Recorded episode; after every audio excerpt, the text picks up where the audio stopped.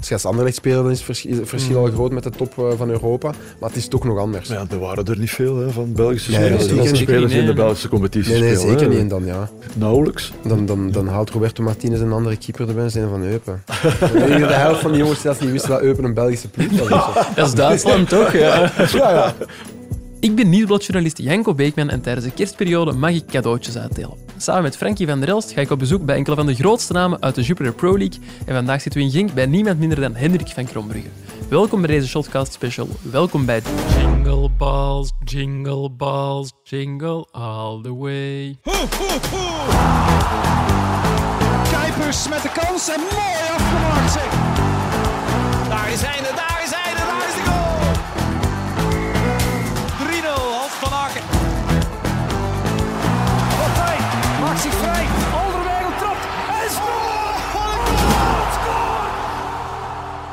Dag Frankie, dag Hendrik. Dag Janko. Janko. Dag Hendrik. Frankie, ik ga eh, mijn klassieke vraag stellen. Waar zitten we vandaag? Eh, we zitten in, eh, in Genk, KRC Genk. We zitten in een eh, loge van een, eh, een hamburgerketen dat ik niet mag vermelden. niet nader genoemde Met- hamburgerketen. ja, met uitzicht op het veld, dus eigenlijk wel een eh, zeer mooie locatie.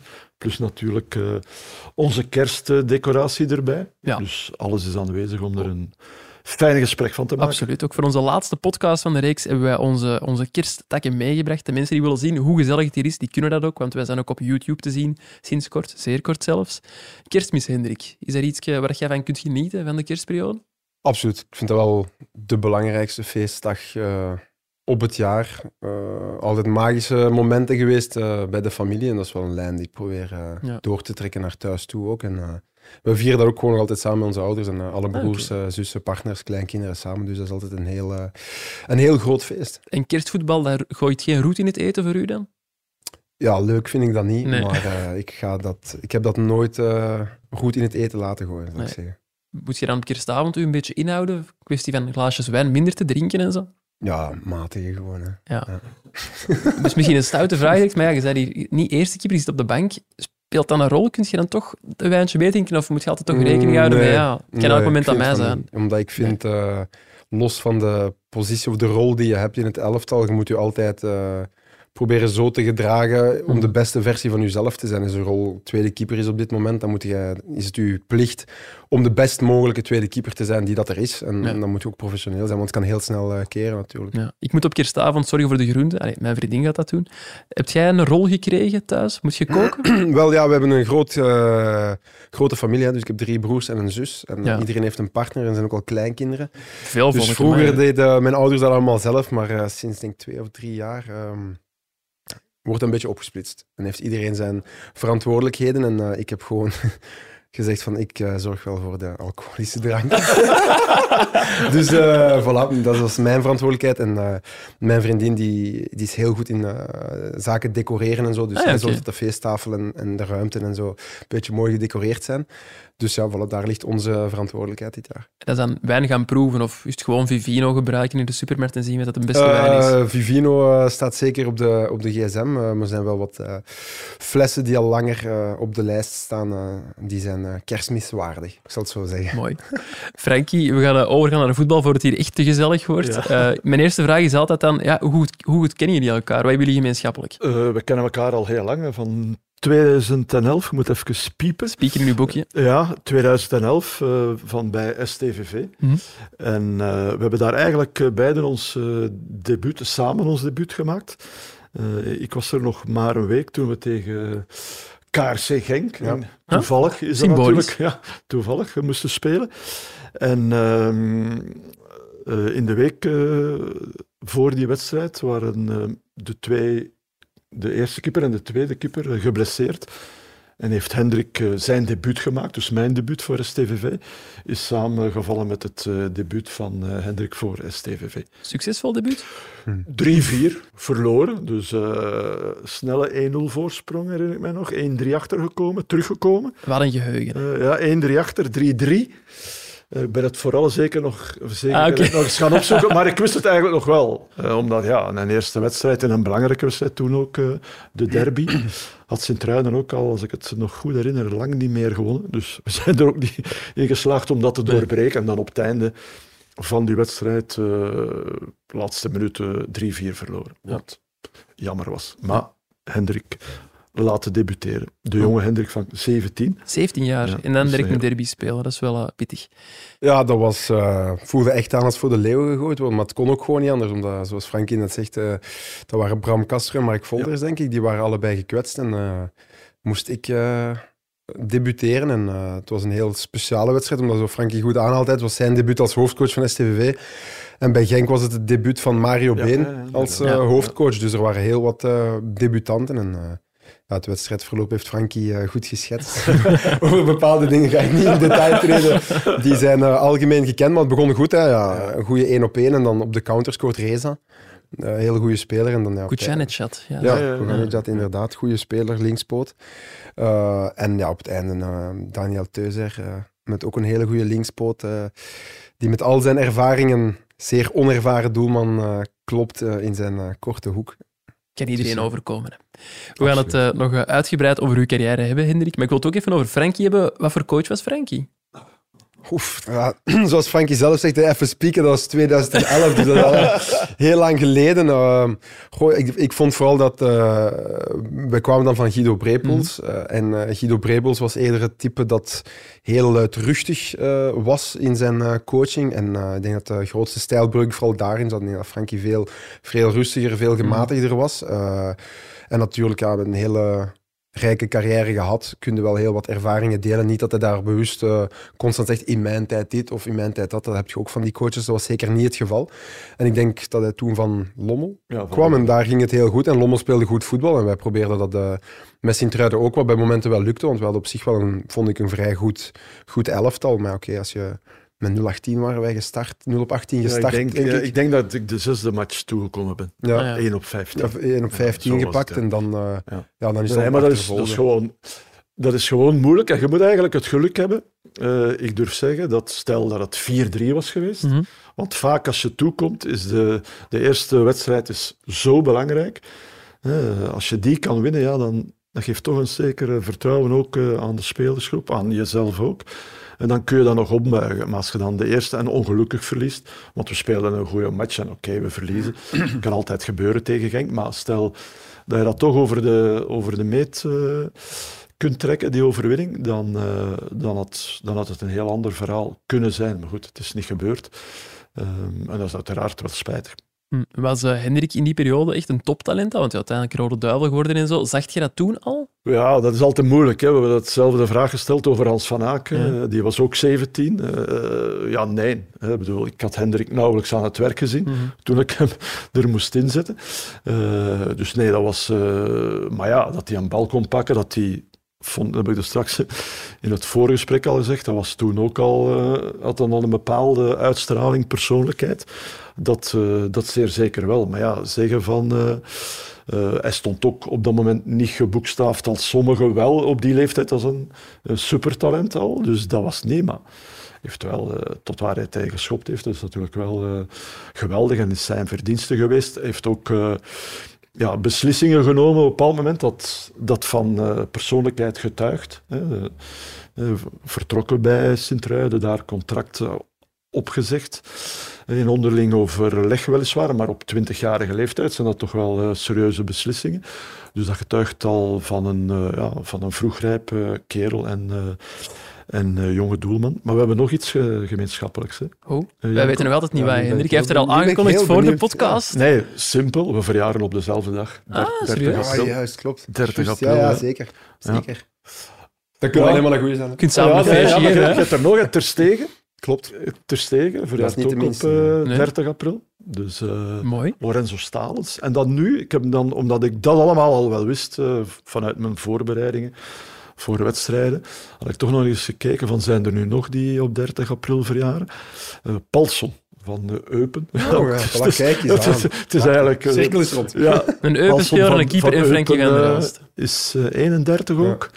Uh, verjaart ook op 30 april. Mooi, dat zijn de weetjes waar de Shotcast verdient En natuurlijk. heb jij iets gemeenschappelijks met, eh, met Hendrik? Of, Daar gaan we het eh, straks nog over hebben. Daar gaan we zeker nog op terugkomen. benieuwd, Ja. Ehm, Frankie zei het al, zelf vertrokken bij Sint-Truiden uiteindelijk. Uw contract ontbonden. Hoe zijn jullie juist uit elkaar gegaan eigenlijk in die periode? Goh, om een lang verhaal kort te maken, ehm, wij degradeerden met eh Sint-Truiden Mhm. eh, dat bewuste jaar na de fameuze eh play-off 3 noemen we dat denk ik zelfs. Dan moesten wij vijf keer tegen Westerlo spelen, denk Ja. ik. En Westerlo begon met drie punten meer omdat zij voorlaatste waren, denk ik. En ehm, wij zakten dan naar tweede, tweede klasse en dan werden er direct signalen verstuurd van kijk, eh, we moeten besparen, de budgetten, dit en dat. En dan kwam er ook heel wat eh, verandering op, op bestuurlijk niveau. Ik denk dat Jan-Pieter Martens toen toekwam ja, als... die, maar die was er al, hè? ah, die was er Ja. al, als sportief directeur. Ja, inderdaad. En dan werd er een heel deel van de spelers naar de fameuze C-kern gestuurd. En daar Ja. zaten wel wat namen bij. Want Vincent de Vraar zat daarbij. Ah. Eh, wie zat dan ook bij? Ike dan. Maxima Nijs, eh, die er ook nog niet super lang was. zaten wel wat namen in. Eh, en ehm, ja, ik heb dan zes maanden in die C-kern gezeten. Dan, eh, ik kende de keeper, jeugdkeepertrainer van eh Sint-Truiden goed, omdat ik in de jeugd van Sint-Truiden had Ja. gespeeld. Daar dan wat getraind. Maar dan in januari, ik denk op voorlaatste dag of laatste dag, gewoon gezegd van kijk, eh, dit moet stoppen. Want ja, ik kan u zeggen, dat is niet, dat is niet houdbaar. Maar jij had Dan toen nog niks anders. Nee, ik had toen niks anders. Nee. Want je hebt een paar maanden zonder club gezeten. Ik heb zes maanden. Zes maanden zelfs, ah, Zonder club gezeten. Dus ik heb toen mijn contract opgezegd. En ik heb toen ehm, deels meegetraind met de belofte van KV Mechelen.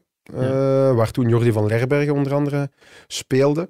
En de coach van de belofte was toen, eh, hoe noemt hij? Sven van den Broek. Ja. Ah, oké. Ja. Die ook in de Afrika Cup met Hugo Boos in de Ja, staf zat. Ja, ja, inderdaad. En Koen Bogen, ehm, die is nu min ne- U19-coach, denk ik. En eh, via via zo daar meegetraind en daar echt wel plezier Ja. teruggevonden. Dus eh, dat was echt het belangrijkste, want ik had echt een degoe van het, eh, van het voetbal. En dan heb ik ook gewoon, ja, ik ga er niet flauw over doen, ik heb gewoon met de Giffy gewerkt of zo. Dus paletten van uit camions halen en zo. Ah, mijn ouders zijn heel nuchtere, nuchtere mensen, die waren heel, heel realistisch en heel eerlijk naar mij toe. En die hebben gewoon gezegd van, kijk Hendrik, uw contract is opgezegd. Ik kreeg dan wel een, groot deel van mijn contract uitbetaald. Maar ze zeiden ook van, ja, of het is studeren of het is werken.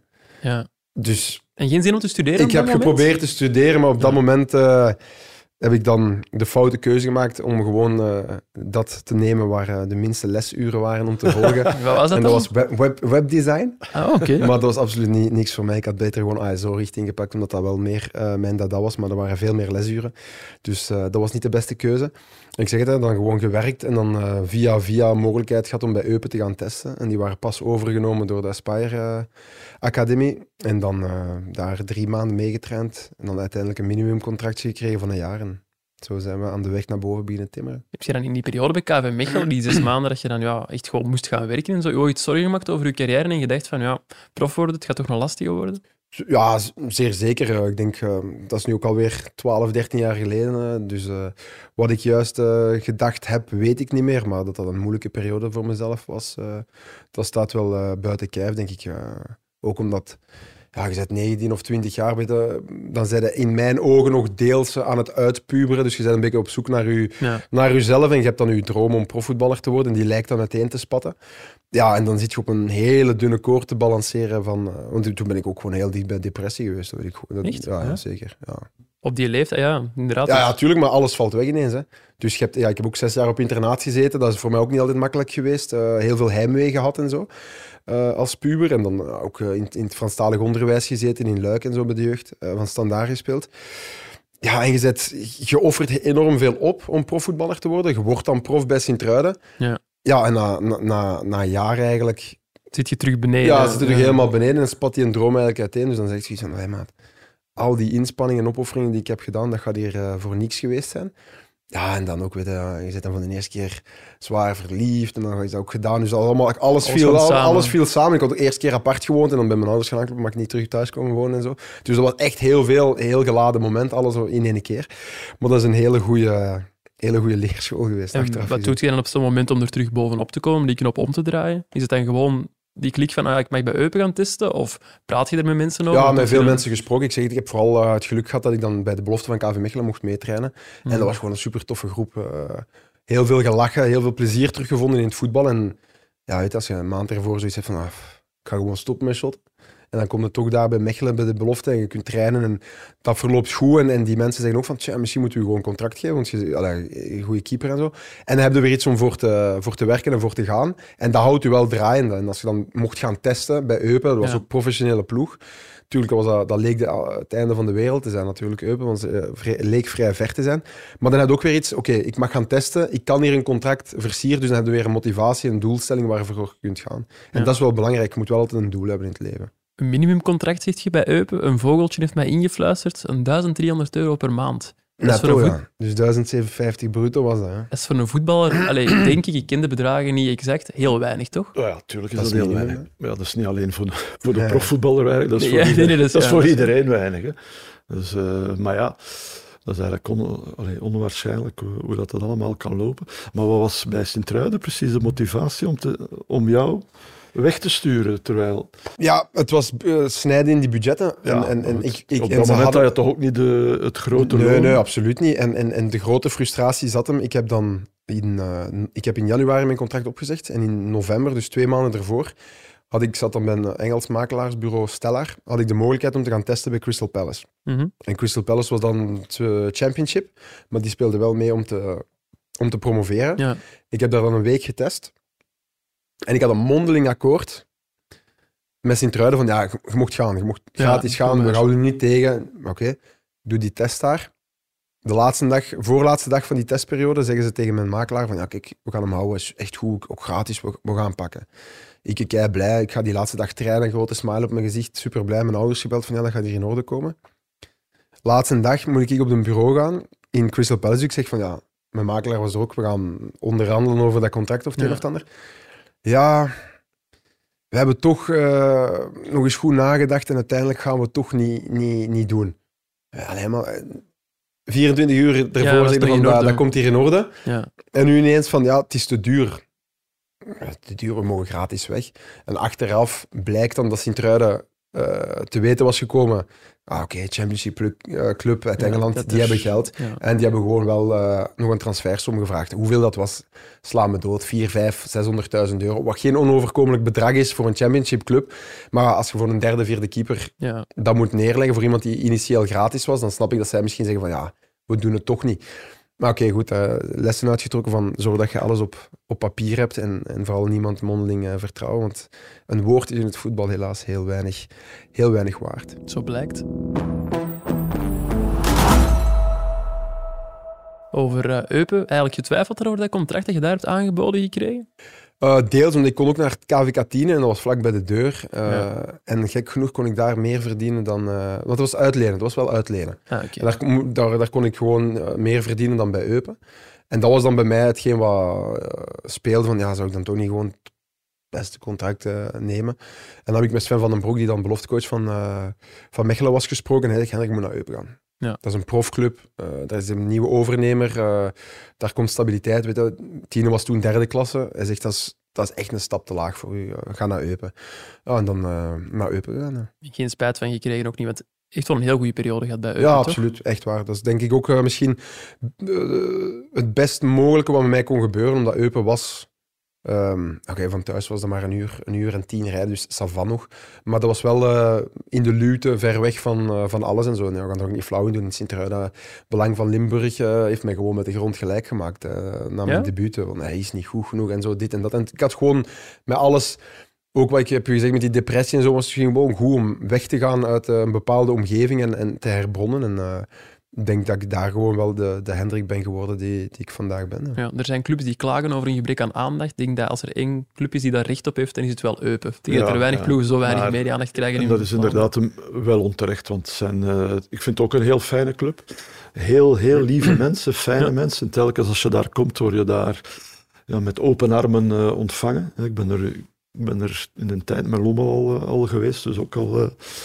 ik ben daar vaak eh, geweest en iedere keer... eh, ja, het is ver van, voor de meeste mensen, eh, maar als je daar komt, fantastisch. Echt waar. Ja. Ehm, Wij krijgen er in de winter goulash in Eupen als journalisten. Vind ik altijd heel fijn ook. Dat is een Ja, reden om naar een te kleine, zaaltje. Het is daar, natuurlijk is daar allemaal wat, wat, wat kleiner, hè, tussen aanhalingstekens.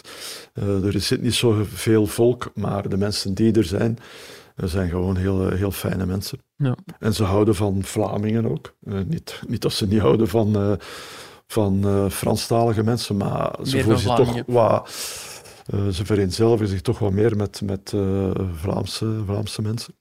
Ook een heel ambitieus project toen wel bij Eupen, toch? Ja, heel ambitieus begonnen natuurlijk. Hè. Een Ja. beetje in, de, in het verlengde van toen dat Qatar de organisatie van Ja, het WK 2K toen. eh, binnen had gehaald. En het grote masterplan eh, was, eh, ook weer eh, om een lang verhaal kort te maken, gewoon even schetsen van...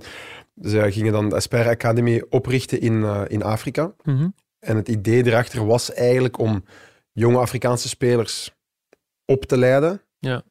Ze dan in, in Senegal had je dan een gecentraliseerde academie. Mhm. En dan de beste jongens vandaar gingen dan na een paar jaar opleiding naar Doha, dus de hoofdstad van Qatar. Kwamen dan in de Aspire Academy daar terecht. Daar dan weer een jaar of twee opleiding krijgen. En dan de beste daarvan, die werden dan uitgeleend aan, eh aan Eupen, of, of uitgeleend, of gingen gewoon naar Eupen, om dan ervaring op te doen in, in, in het Europees voetbal. En het grote idee erachter was van, die getalenteerde jongens zouden we dan naturaliseren Qatari voor de worden. nat- Ja. nationale ploeg van Qatar te spelen. Klein ding wat ze over het hoofd gezien hebben, is dat die jongens ook heel... Ja, dat zijn ook patrioten, die zijn ook heel ja. nationalistisch ingesteld. Die hebben ook vaderlandsliefde. En dat is niet iets dat je kunt afkopen. Nee. Nee, nee, ja, dat wil ik eh, net zeggen. Eigenlijk is het, eh, het, het idee daarachter niet helemaal oké. Nee, nee, nee, zeker. Nee, nee, nee. Ik was... Zo simpel is het gevraagd. Op een gegeven moment is er ook gesuggereerd dat er een aantal Qatari gewoon in Eupen zouden komen voetballen om te winnen aan het Europese niveau en zo. Dat is er uiteindelijk ook niet van gekomen. Ja, daar hebben er wel een paar gespeeld. Ja, een paar wel, ja. Afif bijvoorbeeld. ja, dat was Op een gegeven moment zou het een halve ploeg ja. worden, heb ik gelezen. Nee, ja, goed, maar eh, ik zeg het, eh, die jongens waren allemaal goed opgeleid, puur technisch. Maar Ja. je ziet gewoon dat die jongens altijd academievoetbal gespeeld hebben. En die hadden geen competitiegevoel. En uiteindelijk kom je wel in provinci- provinci- professioneel voetbal terecht. Ja. En ja, oké, één, je hebt de cultuurshock natuurlijk. Als je in- van, Qatar, van eh, Senegal naar Qatar gaat en van Qatar komt in Eupen terecht. Dat is ook bewuste keuze ge- geweest om Eupen te pakken, want ze hadden ook clubs in Brussel kunnen overpakken. Ja. Maar ze zeiden ook, ja, Eupen ligt ver weg van alle mogelijke verleidingen van het leven en dergelijke. Dus daar zit, daar zit wel een, heel, eh, een hele strategie achter. Maar ik denk uiteindelijk het businessmodel, als ik het zo mag noemen, ik denk dat er uiteindelijk maar twee spelers, waar ik zelf ook persoonlijk mee heb samengespeeld, die ze echt voor een paar miljoenen verkocht hebben. En dat was Moussa Wage. Dat is een rechtse bak die ook eh, met Barcelona. Senegal... Barcelona Die is naar. Barcelona Ja. vertrokken. Die heeft het WK gespeeld als Ja. rechtse bak van Senegal. En dan Henry Onyekuru, die ook nog bij Anderlecht heeft gespeeld. Die werd dan verkocht aan Everton, denk ik. En die heeft dan wel eh, nog wel een vrij ah ja, mooie clubs gehad. Ja. Ja, inderdaad. Maar Ja, voor de rest... Ja. Er werd veel over gesproken ook wel, dat zo'n mannen gelijk Peters en Preveljak eigenlijk heel lang in Eupen zijn gebleven, terwijl iedereen dacht van, dat zijn ook jongens die makkelijk een stap hoger op zouden kunnen zetten. Dus Betaald de goed, budgetten waren ook wel... hè. eh, Ja, de- ook niet flauw doen. Hè. Nee, nee. Er waren jongens die gewoon echt heel veel, heel veel verdienden, ook in tweede klasse. Hè. Wij gingen op een bepaald moment, kwam Jeffren bij ons binnen. Ja, dat was een van de grootste talenten van Barcelona geweest. En die was van Barcelona naar Sporting Club Lissabon gegaan, dan naar Valladolid. En dan komt hij ineens bij ons spelen. Ja, Adriano van Barcelona. is Adriano, daar heb ik zelf niet meegespeeld, maar kijk. Nee. Dingen Wie is... Vasquez. Dat is waar, Victor. Maar hij heeft er niet lang gezeten. Nee, nee, hè, nee, Victor Vasquez. En dingen, hè, ehm, alleen, het- het- An- het- Andreas Beck, rechts een bak, Juist. Ja. Ja. Duitse nationale Van, ploeg en zo. Wie is de strafste die jij hebt meegemaakt in Eupen? Luis Garcia, Ja, de, Garcia. dat was de beste. achter de spitsen. Allee, zo wat, een Ja, spelmaker. Ja. Fijne mens ook? Ja, super. super. Echt heel veel van, eh, van opgestoken. Ja, die jongen heeft, die heeft ook gewoon eh, in de gouden generatie van de Spaanse nationale ploeg. En hij was speler eh, bij Espanyol. Ja. Maar die zat wel in die selectie. Ja. Met Iniesta, met Xavi, met die, die grote generatie. Dus dan moet er wel iets kunnen.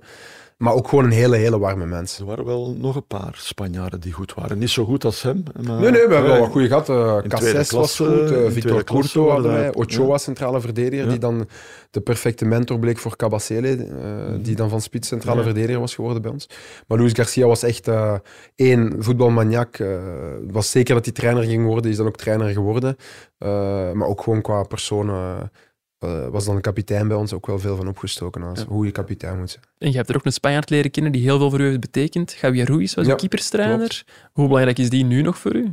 Ah, die hoor ik eigenlijk nog wekelijks, denk ik. Dus eh, dat is echt een... eh, ik maak niet heel veel vrienden in het voetbal, maar dat is wel iemand die, die ik beschouw als een vriend. Dus die heeft me echt wel bijna opgeleid of, of gemaakt tot de keeper die, die dat ik vandaag, vandaag ben. Dus, En op welk vlak dan? Wat deed hij anders dan andere keeperstrainers? Of ehm, een heel... Ja, ik- pff, natuurlijk, ik was opgeleid bij, bij Standaard. een goede opleiding gehad. eh, en dan bij, bij Sint-Truiden terechtgekomen. Dat was Jos Beks eh, de keepertrainer. En dat is eh, iets meer van de oude stempel. vooral Mhm. heel veel inzetten op heel veel herhalingen en, en, en vooral fysiek zwaar werken. En Ja. bij Javier Ruiz, dat is zelf ook opgeleid bij Barcelona en bij, in, La, in La Masia, was het meer technisch-tactisch. Eh, proactief voetballen, meevoetballen. Want wij wil- wilden ook voetballen van achteruit. Eh, met Bartolomeu Marques Lopez, die ook nog even in Sint-Truiden coach is Ja. geweest. En eh voilà, ook, die man had ook een master in psychologie en zo. En dat had ik allemaal gewoon wel nodig op dat moment. Heeft hij er eigenlijk voor gezorgd dat je achteraf naar Anderlecht zou kunnen gaan? Dankzij je voetenwerk ook? Dat, ja, die heeft daar zeker een grote rol in gespeeld, ja. Dus Ja. dat buiten kijf, dat denk ik wel. Omdat met Eupen wilden we echt voetballen van achteruit. We waren technisch wel met die jongens van de Aspire Academy en dan al die Spanjaarden en de Spaanse staf die we hadden, eh, waren we technisch superieur aan de tegenstander. Dus dan moest ik ook als keeper heel ver eh, uit doel meespelen en zo. Dus eh, dat heeft zeker een rol gespeeld, ja. Je hebt nog één ding te danken aan, aan Eupen, denk ik. En dat is wat je gemeenschappelijk hebt met mij. Oei. Mijn vriendin is vier jaar ouder dan ik. Jij hebt uw vrouw ook leren kennen in Eupen, denk ik. hè? Ja, maar die is wel iets eh, Ja, ouder der- dan mij 13 nog. Ja, ja, nee, dat het gemeenschappelijk. Ja, 13 jaar ouder. Ja, klopt. Ja. Lijkt me het ook al niet altijd. Allee, Goeie gids, hè. vanzelfsprekend. Goeie gids. Ja. en ze kan goed decoreren, heb ik ook Ja, dat ook. Nee, je, kunt, eh, maar... je kunt na de uitzending nog even samen gaan zitten. Ja, kan nee, maar dat is... eh, En wat is dan het gemeenschappelijk? Maar dat is- mijn vriendin ook ouder is. Geen Ah, 13 zo, jaar, maar ook ja, iets ouder. Nee, goed. nee, nee. Ja, vier jaar is... Kun je Is hem- waardeloosbaar, kun je hè? hem tips geven, eh, Hendrik, hoe dat hij Ja, daar moet zo'n 13 meegaan? jaar verschil kan u zeggen, dat is wel... eh, Op welk vlak is het dan moeilijk of zo?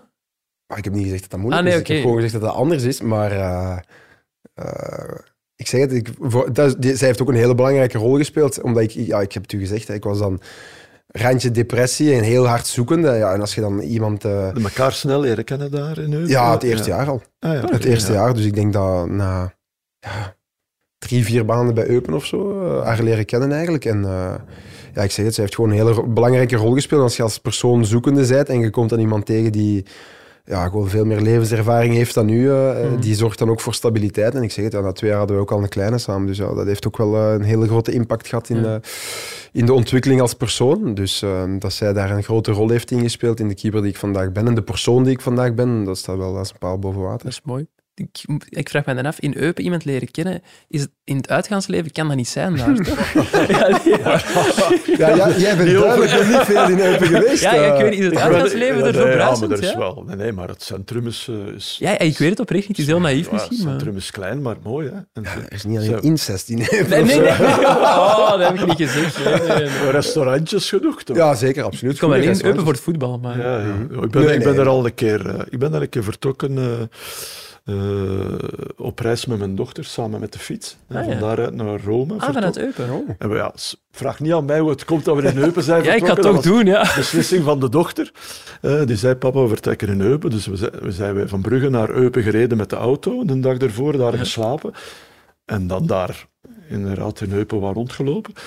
En gezien dat er daar, eh, ja, dat er wat, daar wel meer is dan, eh, Ik ga dan, een dan eh, een kerktoren en, eh, en een gemeente. citytripje Eupen op mijn, eh, op mijn agenda. Ja, ik zou dat wel doen. Ja. absoluut. En je hebt gewoon twee stadsdelen ook. Hè. Je hebt een, zoals in het Engels zeggen ze downtown, Ja. uptown. Ja, je hebt ook gewoon Unterstadt, Oberstadt. ga het En mijn vriendin is een Unterstadt. Is dat, Dat is ja, ook wel- een zit groot wel- onderscheid? Ja. Niet dat dat eh bloedveten zijn, maar mensen van de onderstad zijn wel trots dat ze van de onderstad zijn. De onderwereld, ja, dat klinkt wel goed. Nee, nee, niet de onderwereld, Nee. maar eh, dat zijn de mensen die aan de Wezer Ja. wonen, dus aan de rivier, Ja. eh, die ook het zwaarste geleden hebben met de zware overstromingen en zo. Ja. En de mensen van de Overstad zijn eigenlijk de mensen die rond de kerk wonen, iets hoger. Want ja, het, Eupen- het stadion van Eupen ligt Ja, echt op een berg. Op. En als je daar de berg naar beneden, eh, aan, naar het ronde punt gaat, eh, aan het Boston Hotel, dat is, dat is de onderstad eigenlijk. Het voelt wel als vakantie als je in Eupen aankomt, dat moet ik wel zeggen. Het is altijd, ja, Nee, nee, dat is straalt waar. gezelligheid uit. Een goede uitvalbasis. Aken is vlakbij, Maastricht is vlakbij, Luik. Wilt je niet terug? Dus eh alle naar Allee, als je er gaan wonen, Oh, ik heb wel erover nagedacht om, eh, om een eh, vakantiehuis eh, of zo in, in, in de Oostkantons te nemen, sowieso. En ehm, wel, dat is nu misschien vrij persoonlijk, maar mijn, eh, mijn, mijn schoonvader heb ik nooit gekend. Die is gestorven in 2006 aan kanker. Eh, maar mijn schoonmoeder is eh, enkele jaren geleden overleden. Dat huis, staat, eh, we hebben dat, eer- dat huis heeft eerst gediend om mensen op te vangen die slachtoffer waren Ja, mooi. van de wateroverlast. Dus we hebben dat huis dan ter beschikking gesteld. Allee, mijn vriendin en haar zus hebben dat ter beschikking gesteld eh, van mensen die daar nood aan hadden. Maar die mensen zijn ook naar een rusthuis eh, verhuisd. Dus dat huis staat nu eh, leeg. En ik speel nog altijd ergens met de gedachte misschien in de plaats van dat huis van de hand te doen, om dat toch binnen de familie te houden. Maar daar ben ik nog niet, nog niet helemaal uit. Maar die link met Eupen gaat er altijd zijn. Ja. En mijn familie zelf, mijn ouders, eh, broers, zussen, kinderen komen daar ook gewoon graag. En Ah, het is gewoon tweede thuis. mooi. Ik noemde daarnet Anderlecht al, maar er zijn in die periode bij Eupen nog wel ploegen komen aankloppen. Hè? Ajax, denk ik, onder meer. Yep. Waarom is dat nooit Ah, iets geworden? We zien, ik zie aan zijn gezicht dat hij er spijt van heeft. Ja, zo van... Ah, spijt. Ik denk, het leven is te kort om spijt te Nee, nee, hebben. ja, maar ik bedoel... t- ik moet wel geven, nu ouder te worden. Ik ben er nu Ja. 30 plus. Ja. En, en het, het einde van de carrière eh, komt nu wel iets dichterbij. Je hebt nog even Ja, ik heb nog even natuurlijk, maar, maar toch. Begin wel meer na te denken over de keuzes die je al gemaakt hebt in je carrière. En eh, bij Eupen heb ik eh, Ajax heb ik afgewezen, Sassuolo heb ik afgewezen. Dus dat zijn inderdaad mooie clubs. Ehm, maar ik zeg het, ja, Frank heeft dat net in het begin even aangehaald. Er zijn wel wat keuzes die ik gemaakt heb die me typeren als, ehm, als persoon. En eh, ik denk dat ik een heel Vlaamse jongen ben op bepaalde punten. Mijn vader heeft ooit een vergelijking gemaakt. Die zei van eh Keulemans wou ook nooit... ja, eh, ook vast bedoel je daar. Ooit na- nooit naar het buitenland. Dus jij hebt ergens dat wel. En ik denk ook dat het feit dat ik zes jaar op internaat heb gezeten en die eerste drie jaar heel traumatisch eh, zijn geweest, ik denk dat Ja. dat ook wel ergens zijn sporen heeft eh, nagelaten. Maar om nu echt te zeggen dat ik doodongelukkig ben van bepaalde keuzes, dan niet. Omdat Nee. ik denk, eh, keuzes, eh, maakt niet uit welke. Als je ze maakt, moet je er wel achter staan en Mhm. dan moet je er het beste uit maken. Uiteindelijk, weet je, ik heb eh, vier jaar bij Anderlecht gespeeld. eh, en ik, zit nu, ik heb een contract van drie jaar en een jaar optie bij Genk. En overal waar ik ben, tot op heden ben geweest, eh, kan ik altijd teruggaan. En dat is voor mij ook wel een belangrijke. Omdat Ja. je hebt de voetballer, als je geluk hebt, 15, 16 jaar profcarrière. Maar, en dat is iets van wat ik van Luis Garcia heb geleerd. Mens zijn het totdat je sterft. En je stopt met shotten op je 35ste. Ja, laat ons hopen dat je dan nog 35, 40 jaar leeft. Ja, Ja, weet je, dat is, mij, dat is ook iets waard. Weet je. Als Zeker. jij een goede voetballer bent geweest, dat is goed. En, maar er zijn heel veel mensen die je enkel gaan kennen in je carrière omdat je goed kunt shotten. mhm. Maar daarna heb je nog een heel leven. En dat kun je niet... Die 40 jaar, ik was, was een goede voetballer. Je hebt mensen die dat kunnen, hè, maar zo beroemd ben ik ook meer niet, zijn dan de voetballer. niet geweest. Maar ik vind het belangrijk dat mensen mij herinneren, oh Hendrik, ja, goede persoon. Of een slimme jongen, of, of eerlijke jongen. Of, of, dat is voor mij veel belangrijker. Mooi ingesteld, hè, Frankie? Ja, ja, zeker. Maar goed, het, het klopt ook wel. Hè. Eh, Dank u. Nee, nee, ja. Kijk, ik, heb, ik heb dat straks ook gezegd. eh, van in het begin voelde je dat wel. eh, Oké, hij heeft ook natuurlijk eh, slimme ouders. Hè, dan, Een verstandige vrouw ook. ja, en een verstandige vrouw uit de Oostkantons. Dat is ook niet onbelangrijk. Nee, maar het is inderdaad wel... nee, nee, maar beslissingen nemen op een bepaald moment... eh, kun je je leven, je, je, je beroepsleven, een bepaalde richting uit, eh, uit, uitsturen. Waar je achteraf wel eh, kunt van zeggen, ja, dit had ik zo moeten doen, dit had ik anders moeten doen. Maar al bij al is het, is het belangrijkste dat je er kunt vrede mee hebben op het einde van je voetbalcarrière, op het einde van je, je leven. Nu, nu, nu wordt het een beetje zwaar misschien, maar dat is gewoon, ja, dat klopt gewoon. Het is hier eh, in de achtergrond ondertussen stevig beginnen regenen. Ik weet niet of dat iets met mijn volgende vraag te maken heeft. Maar ehm, de periode bij Anderlecht, hoe zou je die in één woord omschrijven? Leerrijk. Ah, leerrijk. Van zonneschool. ja, leerrijk, ja. Toch Ja. wel, ja. Op welk vlak dan? Op welk... Alle vlakken. Alle vlakken. Alle vlakken. Ik denk dat ik... eh, ja, nee. Als mens, als persoon, eh, als kapitein, als speler, eh, als leider, met korte ei. Niet met lange. Maar ja, ik heb gewoon heel veel goede mensen en intelligente en, en, interessante mensen leren kennen. Ik, ik heb er heel veel uit opgestoken. Dat dat, eh, zeker de laatste zes maanden niet het de gemakkelijkste periode van mijn eh, carrière tot op heden is geweest. Dat, eh, dat is wel duidelijk, maar ik ben daar nuchter genoeg in en wijs genoeg om daarop terug te kijken van dat dat een, een hele goede leerschool is geweest. En ik denk, ik geloof niet in toeval. Ik ben er van, ik ben ervan overtuigd dat in de nabije toekomst of in de iets verdere toekomst dat dat eh, zijn vruchten nog gaat af. Maar had je gedacht dat je, in je, in je hoofd, hoe lang zag je voor jezelf nog keeper zijn bij Anderlecht? Ja, op een bepaald moment, zeker als ik mijn contract verlengd heb eh, met vijf jaar, dacht ik van ik ga gewoon Ja. de rest van mijn carrière hier eh, spelen. Ik ben een paar keer dicht geweest bij, bij een transfer naar PSV. Dat is er dan helaas ook niet, niet van gekomen. Eén keer eh, omdat COVID uitbrak, dan een tweede keer omdat ik zwaar gekwetst was. En een derde keer omdat last minute dan bij PSV een andere keuze werd gemaakt. Dus dat is, dat is wel een stap die ik had echt overwogen. Eh, dat was echt ook eh, een club waar uh, Jelle Terouwelaar, dat was mijn keepercoach op Ja. Anderlecht, die zei ook van qua mentaliteit pas je daar, zou je daar echt goed gepast hebben. Dus dat is wel een jammer, eh, denk ik, eh, dat die niet is doorgegaan. Maar ik zeg het, eh, die crisisperiodes die we daar gekend hebben, zijn, eh, zijn heel leerrijk geweest. Niet gemakkelijk, maar heel leerrijk. Ik weet nog dat het voor veel mensen wel als een verrassing kwam dat jij toen naar Anderlecht ging, want ze hadden daar toen met Didion, keeper die zeker niet slecht was in mijn ogen, die eerste contacten, hoe zijn die voor u gegaan? Is het dan Vincent Company die u rechtstreeks heeft gebeld, of hoe gaat dat dan? Hij heeft mij proberen te bellen, Ja. maar ik nam niet op. Omdat je wist dat het Company was, of? Nee, omdat ik niet wist wie dat was. en mijn vader is ook zo, die zegt van kijk, als het belangrijk is, zullen ze wel iets Ja, spreken ja, dat is ingesteld Ja. veel mensen. Oké, dat zo, zo zit ik niet meer in elkaar. Nu pak ik meestal wel mijn telefoon op. Moet ik ook, omdat ik naast voetbal nog andere dingen doe waar Ja. ik mijn telefoon wel voor moet oppakken. Maar ja, eh, dat was eigenlijk... Ik was dan eh, opgeroepen als eh, speler van Eupen bij de nationale ploeg op Mhm. het einde van het seizoen. En ik had dan mijn eerste eh, stage meegemaakt met de nationale ploeg. En daarna was het dan eh, vakantieperiode. En ehm, we hadden onze eerste wedstrijd van het nieuwe seizoen met Eupen verloren van Antwerpen thuis, als ik me niet slecht herinner. En ehm, de dag daarna hadden we een vrije dag en ik had besloten om met het gezin naar eh, het kasteel van Gaasbeek te gaan. Wat toevallig niet ver is van, van Anderlecht. Bij Otterland. Vanuit Pajotland, prachtig. heb ik ook familie wonen, dus ik geloof niet in toeval. En, en dat gaat dit verhaal ook nog wel eens duidelijk maken. Dus ik was aan het wandelen in, eh, in het park van het kasteel van Gaasbeek. En ik had eh, voor een keer gezegd, weet je wat, die smartphone laat die gewoon in de auto liggen. Weer een nederlaag met Eupen. We gaan gewoon... even Al die telefoons journalisten. Ja, voilà, het oh. hoofd vrijmaken en, en voilà. En op het moment dat wij terugkomen na de wandeling aan de auto, pak ik mijn gsm erbij. Ik zeg van, oh, zoveel gemiste oproep. Engels nummer. Ik zeg, Engels nummer. Wie, wie, wie, moet uit Engeland bij? Ik zeg, ah, weet dat. Geen voicemail, niks. Zo be it. Dan ineens word ik, eh, zie ik ook dat ik gemiste oproep heb van mijn makelaar. Ik zeg, goed, ik zal hem wel een keer bellen. En hij belt en hij zegt van, ja, kijk Hendrik, ehm, ik heb een paar keer contact gehad met eh, Michael Verschuren, die toen eh, technisch directeur was. En eh, ja, ze zijn, uw naam wordt toch eh, concreet genoemd. En, eh, maar Vincent zou geprobeerd hebben u te bellen. Ik zeg, nee, die heeft mij niet gebeld. Dat kan niet. En toen zei ik van, die Engelse nummer. Ah, En ik was bij de groep van de Rode Duivels in WhatsApp toegevoegd. En ik zeg van, ik ga daarin kijken, misschien is het dezelfde. En dat was dezelfde. Toen is mijn vraag gevallen van, oké, ja, dus de vriend Het had mij- zomaar kunnen mislopen. ja, voilà. Vincent heeft me dus wel proberen te bellen. En dan, eh, ja, ik denk, ik denk die een dag zelf ben ik zelfs nog, of een paar dagen later ben ik eh, dan, eh, is er dan een akkoord gevonden op clubniveau eerst. En dan ben ik bij Michael Verschuren thuis geweest, waar Vincent dan ook was. En dan daar een gesprek gehad. En op één avond was dat eigenlijk eh, beklonken. Dus ik denk Ja. dat op een weektijd eh, beklonken was. En wat zegt hij dan aan de telefoon? Waar, waarom wou hij jou absoluut? Ja, zeg, kijk, Hendrik, eh, ik heb besloten dat ik jou bij Anderlecht wil hebben. Eh, we kennen elkaar niet zo goed, maar ik heb heel veel beelden van u gezien. En eh, ik heb u nu ook een week bij de nationaal, nationaal ploeg bezig gezien. En ik denk dat je een interessant profiel bent voor ons. En laat ons kijken of de clubs een akkoord kunnen vinden. Dan gaan we zelf nog eens babbelen en, en kijken of er een klik is. En dan, ja, ik zeg het dan, bij Michael Verschuren thuis, Ja. dan met hem...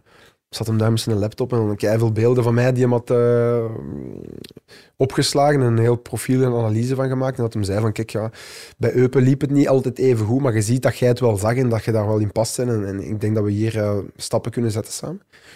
En dat is ook gebleken. Jij bent een heel nuchtere mens. Maakt dat op zo'n moment indruk op u? Dat Vincent Ja, Company tuurlijk. toch voor u een PowerPoint heeft gemaakt? Of een veel, PowerPoint je was, maar... veel gezegd? Zo? Durf je dan op dat moment ook al veel... eh, Ja, nee, omdat, ik vond het wel eh, grappig, omdat hij, ja. hij toonde dan die beelden van mezelf en hij vraagt dan ook zelf van, wat vind je ervan of zo? wat vind je Ja, van, of ja, wat doe je hier, of ja, wat is ja. uw idee hierachter? Ja. Omdat ja, Vincent, zijn voetbal er zit overal een idee achter. En Vincent heeft ook een keer gezegd van Hendrik, you have the brains. En hij verwachtte ook van mij dat ik ging meedenken in zijn manier van, van voetballen. En ik denk dat die beeldjes, dat dat vooral voor hem ook een, een test was nog om te kijken van, was zijn indruk van mij, van dat ik erover nadenk, juist of niet. Ik denk dat, allee, niet dat dat alles bepalend zou zijn, maar ik denk dat Nee. daar wel bevestigd is in geweest, dat ik bepaalde patronen al zag van, zo wil hij, eh, zo wilt hij voetballen. Ja. Die Rode Duivels zijn ook al een paar keer ter sprake gekomen. Hoe is het om daar als speler van Eupen binnen te komen? Je zit daar met Kevin De Bruyne aan de ene kant, Romelu Lukaku aan de andere kant. Hoe gaan die ermee om? Gênant. Ja? ik, vind, ik vond dat ergens gênant. Ja, omdat je staat er op een bepaald moment in de, in de lift met, met Jan Vertongen, Ja. die me toen nog niet... Ja, niemand kende mij, weet je. Als je, als je van speel, als speler van Is je een Anderlecht... naamkaartje opgehangen dan? Of Ja, niet? dat had misschien wel gemoet. Maar, maar als speler van, van, van, van Eupen kende niemand. u. Als Anderlecht-speler, ja, topclubs in België... Ja, wel. Romelu kende ik natuurlijk wel. Ik had geluk dat het eerste, de eerste, een van de eerste gasten die ik tegenkwam was dan Romelu. Mhm. En die kende mij nog wel. En dat is het mooie aan Romelu, dat die, die vergeet mensen niet van vroeger. Die is daar heel, daar vind ik die heel correct in. Ik, bedoel, Ja. eh, ik heb daar samen met de jeugdnationale ploeg meegespeeld en zo. Dus dat was een goede ijsbreker. Maar dat was wel heel ongemakkelijk in het begin. Omdat je voelt wel, ja, het verschil is groot. Hè. Als je als Anderlecht speelt, dan is het verschil Mm. al groot met de top eh, van Europa. Maar het is toch nog anders. Ja, er waren er niet veel hè, van Belgische Nee, spelers. niet. in de. Belgische competitie nee, nee, spelen. zeker hè. niet. En dan, ja, Nauwelijks. dan, dan, dan haalt Roberto Martinez een andere keeper erbij en zijn van Eupen. de helft van die jongens zelfs niet wisten dat Eupen een Belgische ploeg was. of zo. Dat is Duitsland toch? Ja. Ja, ja, maar ja, dat is ook gewoon zo. En, eh, ja, dat was geen, geen gemakkelijke. Langs de andere kant, ja, het verwachtingspatroon van de mensen was van, ja, we zien wel. Ja. En dat is wel heel goed, eh, heel goed meegevallen. hè. Heb je gezongen? Eh, ik heb toen, eh, daar waren ze trouwens wel van onder de indruk. Kun je Dat goed zingen? Nee, dat zeg ik niet. Maar, dat zeg ik niet. Maar het was wel goed. eh, dat was van, met die moment, een Netflix-serie Casa de Papel. Ja. En dan heb je dat Bella Ja. Ciao liedje, dat eigenlijk een, een Italiaans partisanenlied is van de Tweede Wereldoorlog. En daar moet je niet super goed voor kunnen zingen. Nee. Maar iedereen kende dat wel en dat is En waar iedereen... ja, voilà, voilà. Dus ik denk, goede keuze, tactisch goed gezien en met overtuiging gebracht. Dat is ook al een belangrijk. Als het niet goed gezongen is, maar wel met overtuiging, Ja, dat is belangrijk. Dus eh, ja. Moest jij al zingen in uw tijd, Frank? Nee, nee, nee. Gelukkig niet, nee.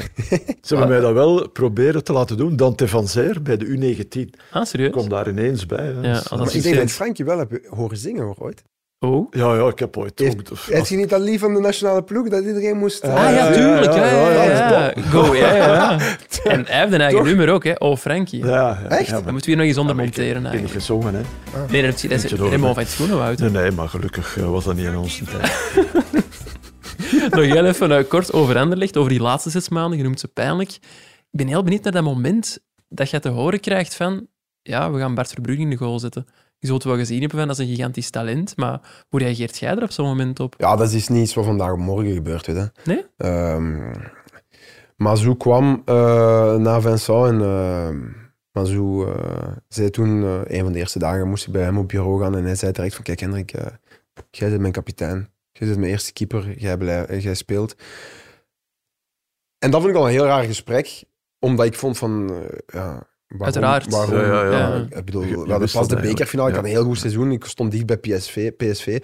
Dus ja, dus daar vond ik het al raar, maar dan was er al van allerlei politieke spelletjes gaande, naar alle waarschijnlijkheid. En, en ik voelde gewoon dat er... Eén, er was al een grote verandering na het wegvallen van Vincent. Hoe het draait of keert, Vincent pakte heel veel eh, op zich. Hm. Wat denk ik als directie en bestuur eh, een geschenk is dat je een coach hebt die zoveel eh, op zich neemt. En dan, ja, weet je... Dan hebben we een heel goede start. We, we, we plaatsen ons voor eh, Europees voetbal. Eindelijk nog een keer euforie, euforie. Eh, Felice was de beste coach in jaren van Anderlecht. Maar na die Europese kwalificatie, weet ik niet wat er was. Er was een of andere... Ja, hoe zeg je dat in het Nederlands? Een, eh, we, ver- we, we vervielen ineens precies van ja, we zijn voldaan omdat we dat Europees voetbal hebben gehaald. En that's Het it. seizoen was geslaagd. Ja, Een inderdaad. soort van decompressie. Ja, decompressie, Toen al, inderdaad, Zo, decompressie. Toen al eigenlijk, zo snel En, op het en toen begonnen wij te Ja. slabakken. Ja. En, en, en oké, ja, goed, eh, bij Anderlecht is een druk hoog en je moet presteren. En ja, oké, de positie van coach werd dan, eh, werd dan onhoudbaar met dan hetgeen wat gebeurd is in, eh, in, in, in standaard natuurlijk als eh, dieptepunt. Hm. Maar op dat moment speelde Bart dan zijn wedstrijden bij Futures. Futures. En hij deed dat goed. En op training was hij, was hij ook goed. Niet, ik, ik, ik, het was niet wauw, wat ik bijvoorbeeld in het begin hier had bij Va- Van de Voort wel Mhm. bijvoorbeeld op training. Maar ik voelde wel dan, ja, Felice werd dan ontslaan en dan Robin Veldman was coach van eh, Futures, die nam over. Ja. Frank Boeks werd dan ook keepercoach en die was dan keepercoach geweest van eh, Futures. En ik voelde wel van, er wordt hier een beetje gezaagd a- aan, aan mijn poten of mijn positie is hier niet meer, eh, hoe zal ik zeggen, Incontournabel? incontournabel. Wat ook niet moet, hè. Nee. En ik ben de eerste om toe te geven dat mijn sportieve prestaties de laatste twee maanden, eh, voordat ik dan op de bank werd gezet, minder waren. Maar langs de andere kant zie ik dat als een compliment, omdat iedereen zegt, allee, Hendrik pakt niet meer zoveel punten als vroeger. Dat iedereen, ja, oké, ja, goed, ik heb de lat heel hoog gelegd met goed te presteren voordien. Dat nu iets minder gaat, ja, dat gebeurt. Het was vooral, denk ik, dat ik heel veel energie heb gestoken in al het extra sportieve. Supportersgesprekken, spelersgroepen. Iedereen proberen rustig te houden, de club te beschermen, de spelersgroep te beschermen. Maar mijn eigen sportieve prestaties hebben daaronder geleden. En er heeft niemand mij in bescherming genomen. En dat neem ik mezelf deels kwalijk, dat ik daar misschien te naïef ben in geweest. Om de club en de groep te veel boven mezelf Ja. te stellen. En uiteindelijk ben ik daar zelf slachtoffer van geworden. Want ik denk nog altijd, had ik dat misschien niet gedaan, want dat ligt niet in mijn, in mijn aard, dus ik zou het altijd opnieuw doen, dan hadden mijn sportieve prestaties niet van die aard geweest om aan de kant te schuiven. Ja. En je voelt het dan wel van, oké, eh, uw positie is niet meer incontournabele en, en, en Bart Verbrugge gaat zijn kans krijgen. Had dan ook in de beker op Lierse gespeeld, goede wedstrijd gespeeld, penalty held geweest. Dan ben ik ziek gevallen, de laatste wedstrijd voor de winterbreak. Heeft Bart ook gespeeld, goed gespeeld. En dan ging het op winterstage. Er kwam een nieuwe coach, Jesper Fredberg was toegekomen. En dan beginnen al die gesprekken. Hè. En dan voelde van, ja, oké, het is gewoon een kwestie van tijd dat ze Ja. gaan zeggen, Hendrik, iets over. Ja, oké, het eerste gesprek met Brian was dan ook wel van, ja, Hendrik, eh, jij zit de kapitein, je zit belangrijk voor deze groep en zo. Dus nee, en dan had ik zo het gevoel van, oké, maar de eerste oefenmatch die we dan speelden was tegen, dat ik het niet meer weet, tegen wie dat was, Ofi Kreta, denk ik. Ja, ik, en die speelde ik al niet. Dus dan had ik wel zoiets, ja. Het lijkt voor u uiteraard heel lastig, maar dat lijkt me voor zo'n Bart Verbrugge ook niet evident op dat moment, want hij heeft veel van u geleerd. Goh, bent een, beetje dat- poulain van u geweest.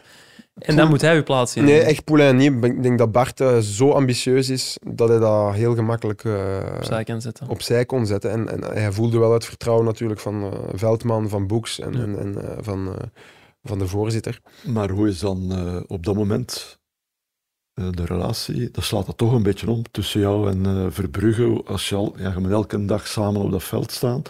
Eh, is dat dan, wordt dat dan toch een, een heel stuk cooler? Ook, Eh, eh, Op een bepaald moment eh, heb ik wel gevonden dat, eh, denk ik, dat ze zullen naar Bart gecommuniceerd hebben van kijk Bart, je gaat je kans krijgen. En dan voelde wel ergens of zo. dat, dat, er, dat het iets anders is dan normaal, maar dat is ook iets wat je makkelijker achteraf kunt ja, eh, met bepaalde dingen te weten. Op het moment zelf heb ik dat niet echt, eh, is me dat niet opgevallen.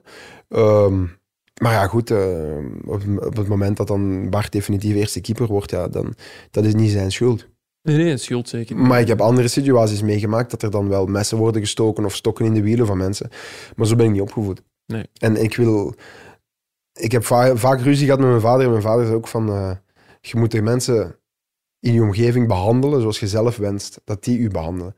En wat voor voorbeeld als kapitein zou ik geweest zijn als ik dan de enfant terrible of de rebel had uitgangen? Was ik akkoord met die keuze? Nee. De manier waarop dat het gebeurd is? Nee. Timing? Nee.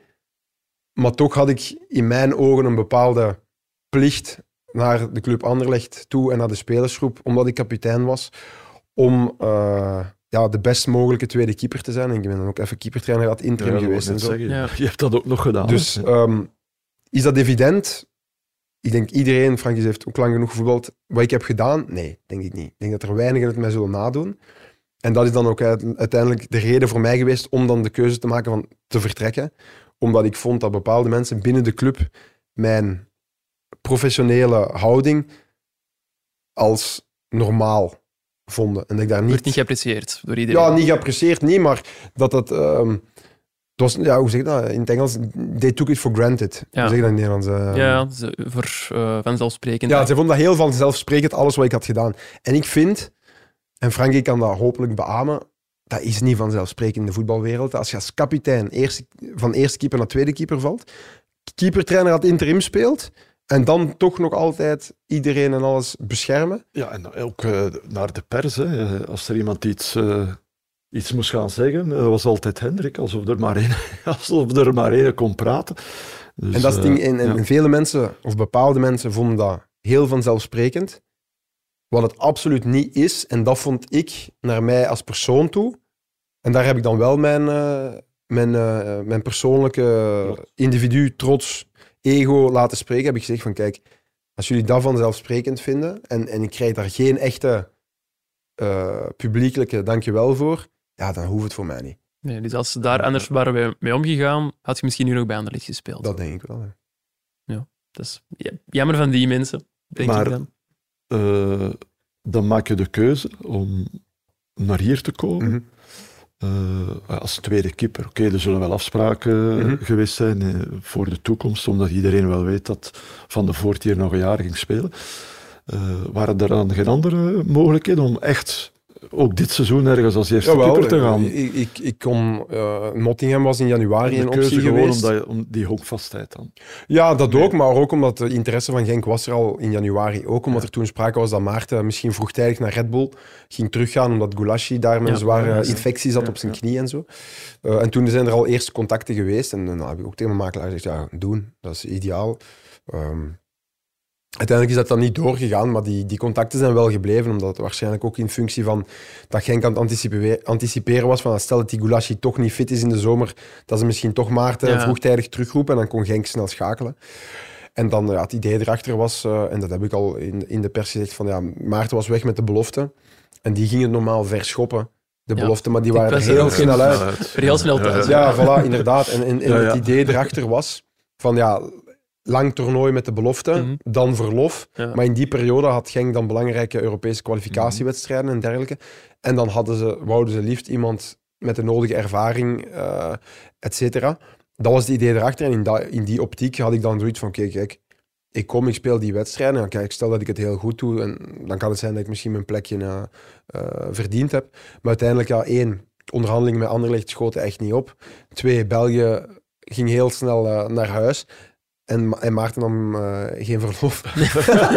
Voetbal iets te graag. En, ja. en, en, uh, ja, en, en ja, maar die voelde misschien ook van. Ja, ja misschien wel. En Maarten, Maarten, dus Maarten, ik, begon ook super, Maarten begon ook super goed aan de competitie. Dus snap ik wel dat je als coach. Nee, maar hij, hij speelt echt wel zijn beste seizoen. Uh, van de Voort, vind ik. Het meest standvastige. Ja, vind ik hij is nog jong natuurlijk.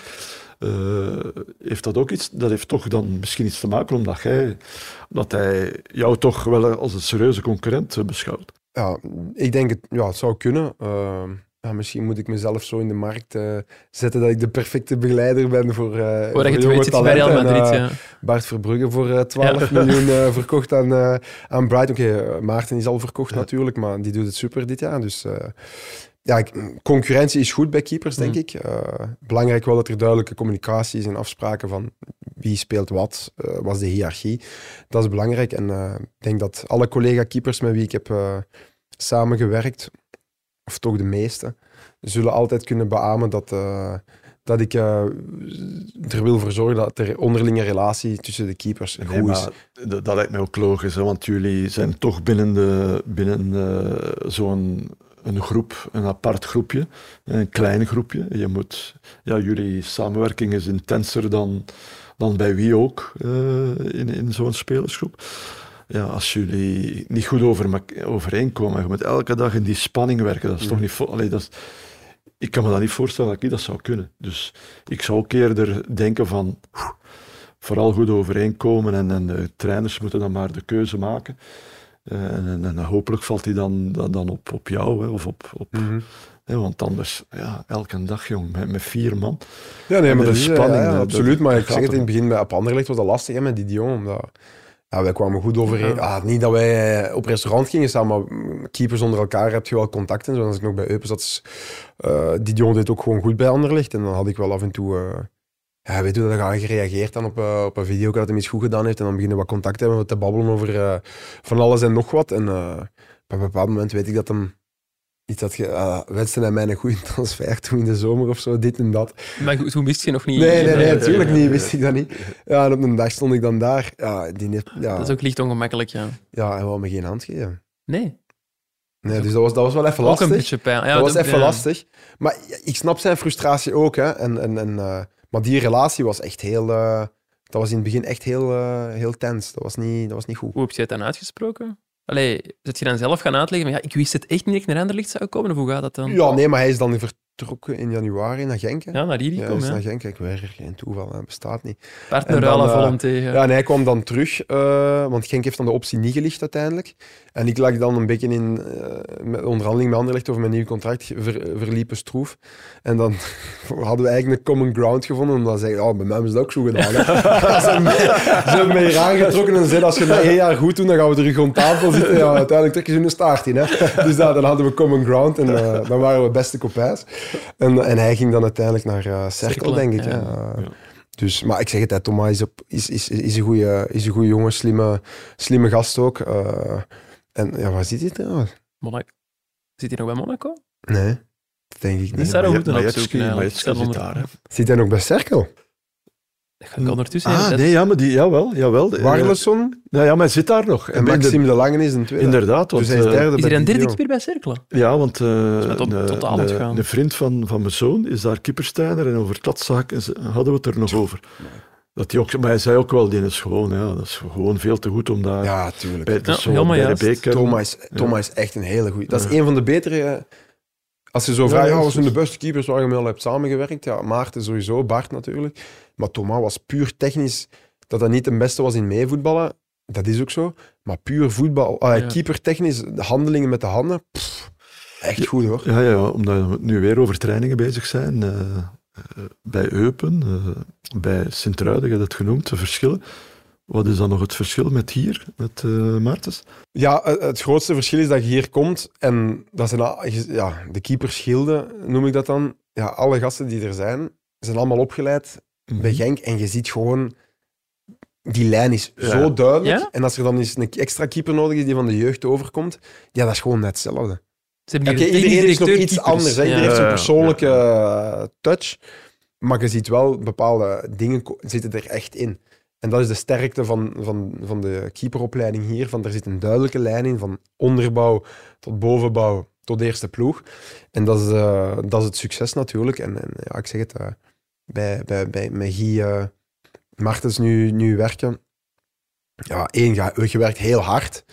Maar er zit ook wel een, een, een idee achter. En, en, eh, Guy is ook niet meer van de, van de jongste, maar Guy is ook wel heel veel eh, mee met alles wat, wat beelden is. Wedstrijden analyseren, trainingen analyseren en zo. En, en eh, ik zeg het, ja, ik- ben er nu bijna zes maanden. En op die zes maanden is Guy er toch ook weer in geslaagd om, vind ik, voor mezelf, ehm, na die moeilijke periode in Anderlecht, om, om fysiek en dergelijke echt wel me terug naar mijn beste versie Ja. van mezelf te brengen. Dat is één, door hard werk. En twee, ook gewoon door bepaalde dingen samen te analyseren op beeld en, en, en een beetje fine-tunen. En ja, ik zeg het als keeper, details maken echt het verschil soms. Ja. Bij de laatste interlandperiode was er volgens mij bij elke nationale ploeg van, eh, van België een keeper van Genk opgeroepen. Ja, dat dat is geen toeval. Nee, natuurlijk niet. Toeval bestaat niet. Nee, nee, dat is al gebleken vandaag. Ehm oh, gezegd van ja, naar mijn beste niveau toegegroeid opnieuw hier in Genk. Zonder heel veel wedstrijden te spelen wel. Heb je er minder gespeeld dan gedacht? Want Frank en ik waren er voor opnamen over bezig. Dat in Europa heb je ook niet alle wedstrijden gespeeld. Hè? Dus het is niet dat je daar de vaste doelman waart of zo. Waren er dan geen Nee, afspraken over? Ehm, nee, nee. Dus, ja, het was, eh, was geen reden om, om, om, eh, om Maarten er, eh, eruit te zetten. En Ja. als Maarten fit is, moet Maarten gewoon spelen. En eh, oké, op een bepaald moment, denk ik, de eerste wedstrijd die ik speelde was uit in uh, denk ik. Mhm. Dat was mijn eerste wedstrijd. En Ja, dat was gewoon omdat Je ze... hebt er ja. twee gespeeld, hè? Europees twee. Ja, ik heb Ja. Uit en Fiorentina, Fiorentina uitgespeeld. ook, hè. Ja. En dan de bekerwedstrijden. En de eerste wedstrijd was uit eh, tegen Tjukaritski. En dan, ehm, ja, daar heeft, eh heeft Guy me in het begin van die week gezegd van kijk Hendrik, eh, we vinden dat het tijd is dat je, dat je ook een wedstrijd krijgt. Want ja, je weet nooit als er iets met Nee, Maarten nee, ja. gebeurt. En ja, je hebt nu al zes maanden niet gespeeld. Ja, het is toch, het wordt tijd dat je wat, eh, wat wedstrijdritme opdoet. En dan eh, die wedstrijd gekregen, eh, goed gespeeld. En dan, dan kwam bekerkampioenschap eraan. En dan... zei ze ook van, ja, Hendrik, jij speelt tegen Vizé. En dan hadden we afgesproken van, kijk, ja, de bekercompetitie is voor u. Die is helaas al gedaan natuurlijk. Ja. En dan Fiorentina heb ik dan, die wedstrijd heb ik dan ook gekregen, omdat ze zeiden van, ja, kijk, trainingsarbeid is goed. De wedstrijd, officiële wedstrijden die je tot op nu hebt, tot op heden gespeeld waren goed. En eh, ook om u in die flow te houden, vonden, we dat, vonden ze dat een goede wedstrijd eh, om aan mij te geven. Dus... eh, maar ook in duidelijke communicatie, duidelijke overleg. Want ik weet dat daarna die vragen werden gesteld van ja, Hendrik, je hebt nu weer eh, goed gespeeld hier tegen Fiorentina. Wie speelt hier eh, zondag? Maar de afspraken waren, kijk, Maarten speelt tegen Gent. Dus, en dat is ook het belangrijkste, weet je. Naar Maarten toe, naar mezelf toe, maar ook naar de buitenwereld toe, weet je. We gaan er geen gedoe rond creëren, weet je. Dat is, en gedoe, het vermijden van het creëren van gedoe, moet je gewoon duidelijk communiceren. En dat is in de voetbalwereld altijd Een moeilijke. moeilijk. maar hier op dat punt, ja, ik heb dat ook wel van in het begin gezegd van kijk jongens, laat ons over alles gewoon heel duidelijk communiceren. Dat is het belangrijkste. Je hebt Maarten al een paar complimenten gegeven. Hoe hoog moeten we hem inschatten? Is dat ja, gewoon de natuurlijke opvolger van Thibaut Courtois? Maar hij is een hele andere doelman eh, dan, eh, dan Thibaut Courtois. En ik vind dat je daar iedere speler onrecht mee aandoet om te vergelijken met Mhm. iemand anders. Maarten van der Voort is Maarten van der Voort en Thibaut Courtois is Thibaut Courtois. Tuurlijk, Thibaut, wat hij heeft neergezet hier, eh, Ja. was natuurlijk het best mogelijke, hoe zal ik zeggen, exportproduct van de. Genkse keeperopleiding. Maar ja, er zijn er genoeg. hè. Ik bedoel, Koen Kasteels is ook hier opgeleid. Logan Bailly, Sinan Bolat. Al ja, de lijst is lang. Gaetan Koeken bij Mechelen doet het ook eh, Ja, gewoon heel goed. Jo- Jo- Jor- Nordin Jakkers, tweede keeper van, eh van Brugge, ook hier opgeleid. Dus de lijst is eindeloos. Tobe Leijzen begint nu bij Leuven ook eh, beetje bij beetje zijn stempel te drukken. En ja, hier zitten dan ook weer... eh, Penders, Penders. Penders doet het ook goed eh, ja. bij Jong Genk. En Vic Chambard, eh, die, die heeft dit jaar nog niet veel wedstrijden gespeeld. Maar die jongen, dat is ook gewoon een heel getalenteerde keeper. Maar, Maar- Maarten is gewoon echt, een, in mijn ogen, echt een rastalent. En ik heb die vergelijking met Bart al moeten maken naar collega's, journalisten. En heb ik ook gezegd van, puur naar intrinsieke kwaliteiten is Maarten van der Voort de betere keeper. Maar Bart Verbrugge die is zo eh, leergierig en ambitieus. En daarmee wil ik niet gezegd hebben dat Maarten dat niet Nee, is, nee, voor alle duidelijkheid. Dat, geeft hem zo die, dat heeft hem wel geholpen in, in het snel zetten van die stappen. Want bij Bart gaat super, super snel. Ik bedoel, Maarten is ook al twee jaar geleden verkocht aan Red Bull natuurlijk. Maar als je kijkt, ja, Maarten is nu nog maar 21 en ik denk dat hij 150 professionele wedstrijden heeft gespeeld. Dat is absurd. Maar die is, ja, ik bedoel, Ja, Napoli zeker was een van zijn eerste. Ja, Champions inderdaad. League, hè? Ja, denk ik. Hè. Maar ik vergeet dat soms, hè. die is nog maar 21. hè, Maar dat is ook omdat hij al zo lang meedraait. Hè. Ik bedoel, kijk, Sardella bij Anderlecht, eh Verscharen ook. Hè. Iedereen denkt dat die al Ah, pak ouder zijn. Maar die, die, dat is gewoon omdat hij al heel lang meedraait. Maar Maarten is super getalenteerd. En het zal aan hem nu zijn om, om na Genk de juiste stap te maken. Want hij gaat in principe terug naar Red Bull.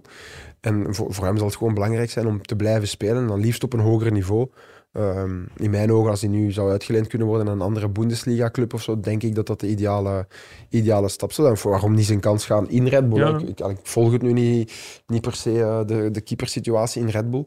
Eh, dus ik weet niet hoe of wat met Goulasje of wat daar de keeper-hierarchie is. Eh, doet er ook niet veel toe, maar dat hij klaar is voor een next step, dat, dat lijkt me wel duidelijk. Je hebt het over exportproducten, over, eh, over Maarten onder andere, over, over Kevin De Bruyne kunnen we het ook hebben. Loopt er hier nog van die jongens rond van wie dat je denkt van, die gaan er wel geraken? Dat is moeilijk zeggen. Hè. Ik bedoel, eh, Bilal. Ja, goed, dat is een, dat is een heel getalenteerde speler, maar is- er zijn zoveel factoren. En, en, en Frankie zal, is ook coach geweest en, en hij zal ook veel talenten gehad hebben. En heeft zelf ook aangegeven, het is, is moeilijk om nu al te, te garanderen dat iemand het gaat maken. Want Mhm. Maar ja, gaan er blessures optreden in de ja, carrière? ja. Entourage? Goed, maken van keuzes. speelt nu toch al, wat is het, zijn, zijn tweede, Tweede volledige seizoen, seizoen. Ja, maar ik denk dat Bilal vooral moet zorgen dat hij nu begint goalen en assisten. Maar Ja, ja, ja, want oké, uiteindelijk, dat is waar. voor het hoogste niveau is het ook Ja. vaak kijken ze ook van, ja, Cijfers. Ik, ik had bij Jeremy ook niet, Doku niet gedacht dat hij nu al naar City zou gaan, omdat bij Jeremy was dat ook het probleem. Hè? Ja. Hoeveel goals en assists. Je laatste paas. Dus ja, maar hier lopen wel jongens rond. Hè. Ik bedoel, eh, we hebben bij, ja, Mike Penders is dan eh, genoemd, dat is dan weer een keeper, maar ja, je hebt dan Kos. Eh Caritsas. ja, dat een hele goede getalenteerde speler is. Dan heb je die jongen die, Die is die 16, pas... hè? 16 Ja. of nog in, of net Ja, 16. 15 of Ja. 16, Vaak ja. knappe goals gemaakt Ja, bij de, ja, bij- zeker. Ja, en dan heb je een jongen die nu zijn eerste profcontract getekend heeft, Haroun, denk ik. Eh, Die had jij beter kennen, ja, denk ik. Ja. het- die heeft er bij ons in een vriendenwedstrijd meegespeeld. Dat vond ik een hele leuke speler. En dan Con- Congolo, Ja, een centrale verdediger. verdediger, ook een, eh, die, die heeft ook zeker potentiaal, eh, potentieel, liever gezegd. Dus, eh, maar ik zeg het, er zijn zoveel elementen. Dat er hier talent eh, genoeg rondloopt. Dat is allee, duidelijk. er wordt genoeg geld geïnvesteerd hè, in de jeugdopleiding. En het zou maar erg zijn als er niet, niet genoeg talent er rondliep. Maar eh ja, En- Luca Ooyen heeft ook heel veel potentieel. ja, hoor. ja. Maar ook hij scoren, assist. Ja, natuurlijk. Maar hij heeft dan pech gehad dat hij op het moment dat hij er echt in zat. Ja. zijn geen goede timings voor Mhm. blessures, maar voor hem was het echt heel slecht. En eh, ze zeggen wel een keer, ja, de duur van uw, uw revalidatie maal twee ja, is de periode eer. En ik kan dat zelf ook wel beamen. Je hebt echt wel tijd nodig na een Om lange blessure. Dus. bovenop te komen. Maar als hij, als hij de juiste keuzes maakt op en naast het veld en, en, en er alles voor blijft doen, eh, dan zie ik het ook wel goed mooie komen. voetballer. Ja, ook, hè. mooi om naar te absoluut. kijken, mooie techniek, mooie wegdraaien. Franken als coach, hoe is die eigenlijk? Want wij zijn altijd wel vol lof over het voetbal dat hij wil brengen met Genk, maar jij kunt er ook beter inschatten. Jij ziet hem in de kleedkamer. Ja, hij is ook een rustige coach, vind ik. Eh, gaat zich niet snel opjagen. Eh, langs de zijlijn niet altijd de rustigste, maar dat, is- Nee, dat snap waar. ik wel ergens. Dat is, iedereen is daar anders in. Eh, Vincent is ook eh, heel rationeel en heel Mhm. rustig, maar op veld, naast het veld durft hij ook wel eh, een keer wat wilder uit de hoek komen. Maar eh, nee, ik denk, we hebben een goede coach, een duidelijke filosofie van wat hij wil brengen, het soort spel dat we willen brengen. En ik zeg het, ik denk dat wij ook gewoon een, een, een goede homogene staf hebben die goed op elkaar is ingespeeld. En dat is ook heel belangrijk, want eh, je hebt natuurlijk je hoofdtrainer, maar je hebt er ook een hele staf die dagdagelijks met alles bezig is, eh, met alle parameters te bekijken. En als coach alleen eh, kun je het niet doen. Je moet ook Ja. goede assistenten hebben die ook met de spelers praten en brandjes blussen daar waar nodig, want dat is het moeilijkste, denk ik, iedereen tevreden Ja. houden. En zeker bij ons ook nu, ja, we, we hebben nog maar één competitie, hè, dus we hebben geen bekermatchen, geen Europees, dus je hebt wel heel veel spelers die je nog moet tevreden houden, maar ik denk dat, dat het tot heden... Verhoogt ook wel de druk natuurlijk. hè. Ja, je ook ziet in de competitie. Allee, je, Ja, ja. je bent begonnen om eh, voor de Champions League te spelen, Europa League. Conference League, nu er al uit. Geen beker van België meer. Dus het moet, het moet er wel op zijn in de competitie nu toch. Ja, absoluut. Maar ik denk, ja, dat is eh, eigen aan een, aan, een, aan een topclub die ambitieus is. En, en, en Genk heeft de ambitie om, om die top eh, of deel uit te maken van die Mhm. top drie van het Belgisch voetbal. En daar hoort druk dan bij. En dan is het ook logisch dat als het minder gaat eh, en je uitgeschakeld wordt op meerdere fronten, dat er dan kritiek is. Dat hoort daarbij. En het is gewoon aan ons en aan de club om daar ja, correct mee om te gaan en daar eh, ook de nodige stappen in te zetten. Vind je de twee matchen die nu nog komen voor nieuwjaar daarin al cruciaal? Cruciaal niet, maar veelzeggend zullen Ja. ze wel zijn, denk ik. Ja, denk, wel... eh, Cercle heeft nu ook weer gewonnen gisteren tegen Kortrijk, dus die zetten de rest onder druk natuurlijk. En ja, we hebben gewoon twee directe concurrenten die we nu moeten, moeten treffen. En ja, ik zeg het, als we de ambitie hebben om dit daar ook weer voor het hoogste mee te doen, ja, dan moeten we wel ons plekje in play-off 1 eh, zeker eh, garanderen. En ja, oké, in play-off 1 moet je dan tegen die directe concurrenten spelen, dus dat is eigenlijk gewoon een goede test. En als je nu in het slechtste geval eh, toont dat aan dat wij iets anders moeten ambiëren. Maar ik denk dat wij met de, met de kern en de kwaliteit die wij hebben en als we in de goede flow kunnen blijven verder gaan dat we nu bezig zijn, dan denk ik dat we echt gewoon in die play-off 1 moeten zitten. En, eh, maar oké, uiteindelijk moet je het afdwingen op het Ja, veld. Hè, dus je kan er veel over zeggen. Maar Antwerp gaat wel een speciaal gevoel geven, hè? toch? Met, geen, met Ja, dat denk ik wel. vorig jaar ja, eh, ik denk is het wel. Ik denk dat... Een eh, zeker revanchegevoel zal er wel ja, bij je zijn. voelt wel dat het hier nog altijd... Nu al, Ja? ja. Nu, want er is Ja. eerst nog eh, Anderlecht. eh, Ja, nee, maar gewoon als het, als het überhaupt over Antwerp gaat of zo. Ja. Dat... eh, De wonder is nog niet geheeld. Nee, En wat gaat het zijn voor jou? Terug, eh, teruggaan eh, zaterdag naar Anderlecht? Ja, speciaal wel, denk ik. Eh, Wat is nog heel anders dan Anderlecht hier ontvangen dan naar Ginder gaan. Hè? Ja, het is Dus- helemaal anders. ehm. ja, gaat ook wel ergens nog altijd aanvoelen als, als thuis ergens. Omdat ja, ik, bedoel, ik heb er toch vier jaar gezeten en heel veel meegemaakt. Ehm, maar ik zeg het, ja, ik, heb niet, ik kan er met een gerust hart naartoe gaan in de zin van ik weet dat er heel veel mensen met mijn open armen gaan ontvangen en dat is voor mij heel belangrijk.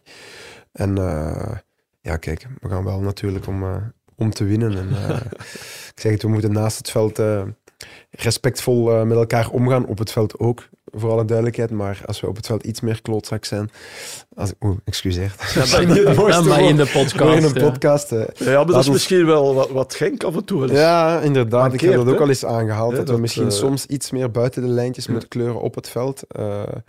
En ik zeg het, als je echt topclub wilt zijn, dan moet je soms op tafel durven kloppen en Mhm. zeggen van nee, dit gaat misschien voor de rest, maar niet voor ons Genk. Ja. En dat moet, dat, maar dat is iets wat moet groeien. Hè. Genk is een heel jonge club. Maar eh, ik zeg het, gaat, eh, ik ga blij zijn om eh, terug te zijn op het Lottopark. Ik ga blij zijn dat ik terug kan gaan met drie punten. Frankie, wat is het meest bekende cliché dat bestaat over doelmannen? Ja, het meest bekend is eh, van eh, je moet er een beetje... Ze moeten een beetje zot ja, zijn. je, Ja. hebt- je hebt al gehoord dat het geval van Hendrik... Nee, ik wou het net zeggen, dat gevoel heb ik niet meteen bij Hendrik eigenlijk. Van, Ja, je moet een beetje niet. zot zijn. Ja, in, het dagdagelijkse leven ben ik niet heel zot. Ik denk dat ik vrij, een vrij rustige persoonlijkheid heb. eh. maar langs de andere kant denk ik dat het de, de stijl van keeper... Mhm. Je leeft altijd op die... Je zit op die koord van, van elke fout is, is, is, is, is dodelijk. Hè? Dus als je een foutje Ja. maakt, is het meestal kassa. En daarvoor moeten we wel ergens zot zijn om die waarheid te accepteren, om elke wedstrijd weer die druk op je schouders te nemen om die dunne lijn te bewandelen. Dus ik denk dat het daar wel ergens het, zotheid, het zot zijn ook in zit. Ja. Ik weet niet dat je snapt wat ik Ja, ja, ja, je wilt ja, zeggen. Je moet ja, dat alleen nog zotter zijn om ref te worden eigenlijk. Want dan weet je van, ja, ik Ja, haal nog meer ja. op mijn hoofd. Ja, inderdaad, ja. Ehm, je zei een, een rustige keeper, denk ik. Geen showkeeper. Maar ik heb gelezen dat in de jeugd van Standaard dat dat Ja, anders was. ja, Dat je ja. toen echt... Ja, Frank heeft me ook nog gekend als showkeeper. Ja? Ja, ja, natuurlijk. Dat heeft vaak ik heb, ik hem ooit, weet je dat nog? Ja, ik denk dat ik het weet. dat ik jou een keer, eh, we waren een afwerking. Ja, ja, ja, ja, ja, dat weet ik nog heel goed. Ja. Ik was er niet bij, dus vertel gerust. Nee, we waren, eh, dus wij waren een het doen. En Hendrik eh, allee, was in de groep waar ik bij stond. Aan de andere kant, ik weet niet of ze het zelf aan het doen waren, dat weet ik eigenlijk niet meer. En eh, op een bepaald moment, en dat zal, dat zal wel geklopt hebben, hij vond dat, dat het te snel ging. Hè? Zo was het toch? Ah, ja. ja. want het is al zo lang Ja, geleden. ja, ja. En uh, oh, die is zo van, wat verdorie, die, die komen te rap, te rap. en uh, allee, zo een paar keer, want ja, na één keer zou ik niet gezegd dat me komst. Maar na een paar keer zei ik van, kom, weg, de andere kant. Ja. Het al, uh, ik weet niet, wat, ze, wat waren ze daar dan aan het doen? Ja, dat weet ik niet. juist. ja, ik weet denk het, want dat was dan een opstootje Ja. met... Ja, opstootje is veel gezegd, maar een discussie met Vincent de Vraag en met, Uh-huh. met coach, omdat ik inderdaad zei van, oh, man, wat is dit hier voor een kutoefening? Want Ik ga hier- ik ga hier veel te snel, je hebt hier geen kans, een bal ligt erin en een ander is, eh, wordt al Op geschoten. dan, ja. Ja, Ja, ja, inderdaad. En toen kwam Vincent de Maar ik heb Vraag. wel een keer verwittigd. Ja, ja, en Vince, zeg, was, als je- ja. Vince de vrouw was kapitein. En die zei ook van, Hendrik, je bent 17, je moet je bakken Gewoon doen wat je moet doen. En Ja, ik begon al wegwerpgebaren te doen. Ja. En na twee, drie keer, dan snap ik wel dat je als coach zegt van, kom, Hendrik, ga maar naar de andere... Ik heb dan gezegd van, hey, ik ben geen robot, hè. Oei, ja, dat dat weet ik ik nog wel. Ja, ja, dat weet ik nog. Nog in je boekje schrijven, Frankie. Dat weet ik nog, ja. Ik heb ook nog een paar eh, luisteraarsvragen. De eerste is van Sven Klaas. Heb jij een passie voor interieur? Ik was heel verrast door die vraag, maar ik ga ze toch stellen.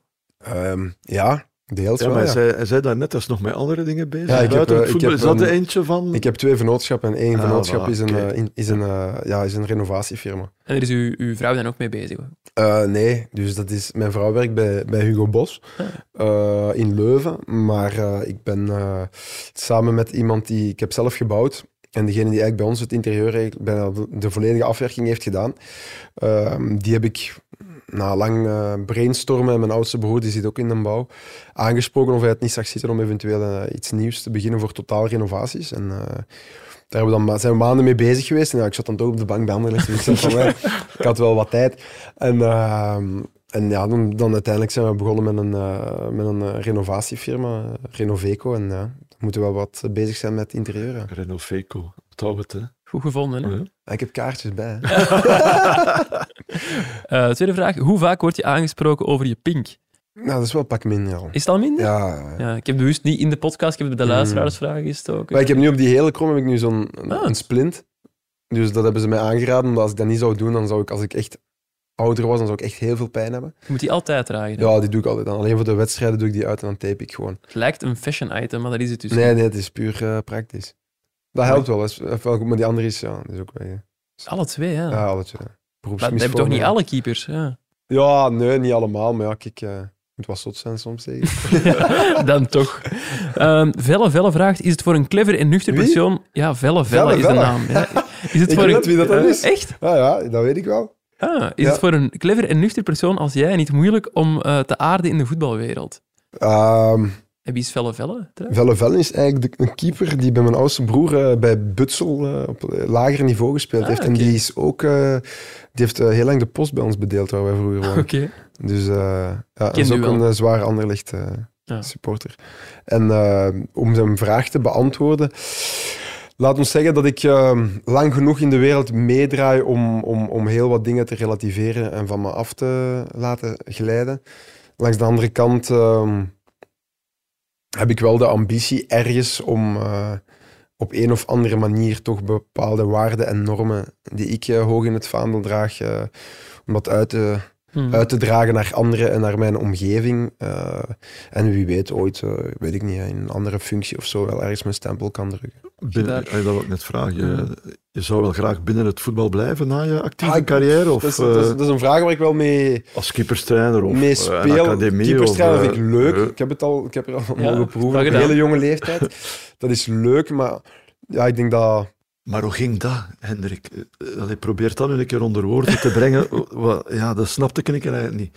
Dat een, een club als Anderlecht zo'n tweede keeper als keeperstrainer gebruikt. Ja. Dat is toch... Allee, Ik weet, er is veel, eh, je hebt het al gezegd, van, eh, je hebt van alles meegemaakt bij Anderlecht. Eh, maar dat, dat kon ik toch helemaal niet Ja, snappen. maar normaal hadden Maar- we iemand, hè, maar die heeft dan op het laatste moment door ja, ziekte of zo ook afgezegd. En dan, Ja. dan, Ja, dan, Ja, dan moet dan iemand- zoek je nog iemand. ja, dan toch. moet, ja, ja, ik Nee, weet het, ja. vind dat toch, ja, hè. ja, ja, goed. Maar het is fijn dat jij dat hebt gedaan, hè, maar, maar Ja, probeer wij een het, maar probeer dat een keer. Ja, jullie bedankt. Ja, jullie bedankt. Publiekelijk, hè? Ja, ja, in de podcast Ja, voilà, zelfs. kijk. Nee, Ehm. maar dat is geen evidentie, maar kijk, ja. ja. Alles, die- alles in de winkel had getrapt. ja, mijn vriend, ja, mijn vriendin heeft het ook gezegd. Hè, op een bepaald moment. En ik zei, veel te braaf, veel, veel te lief.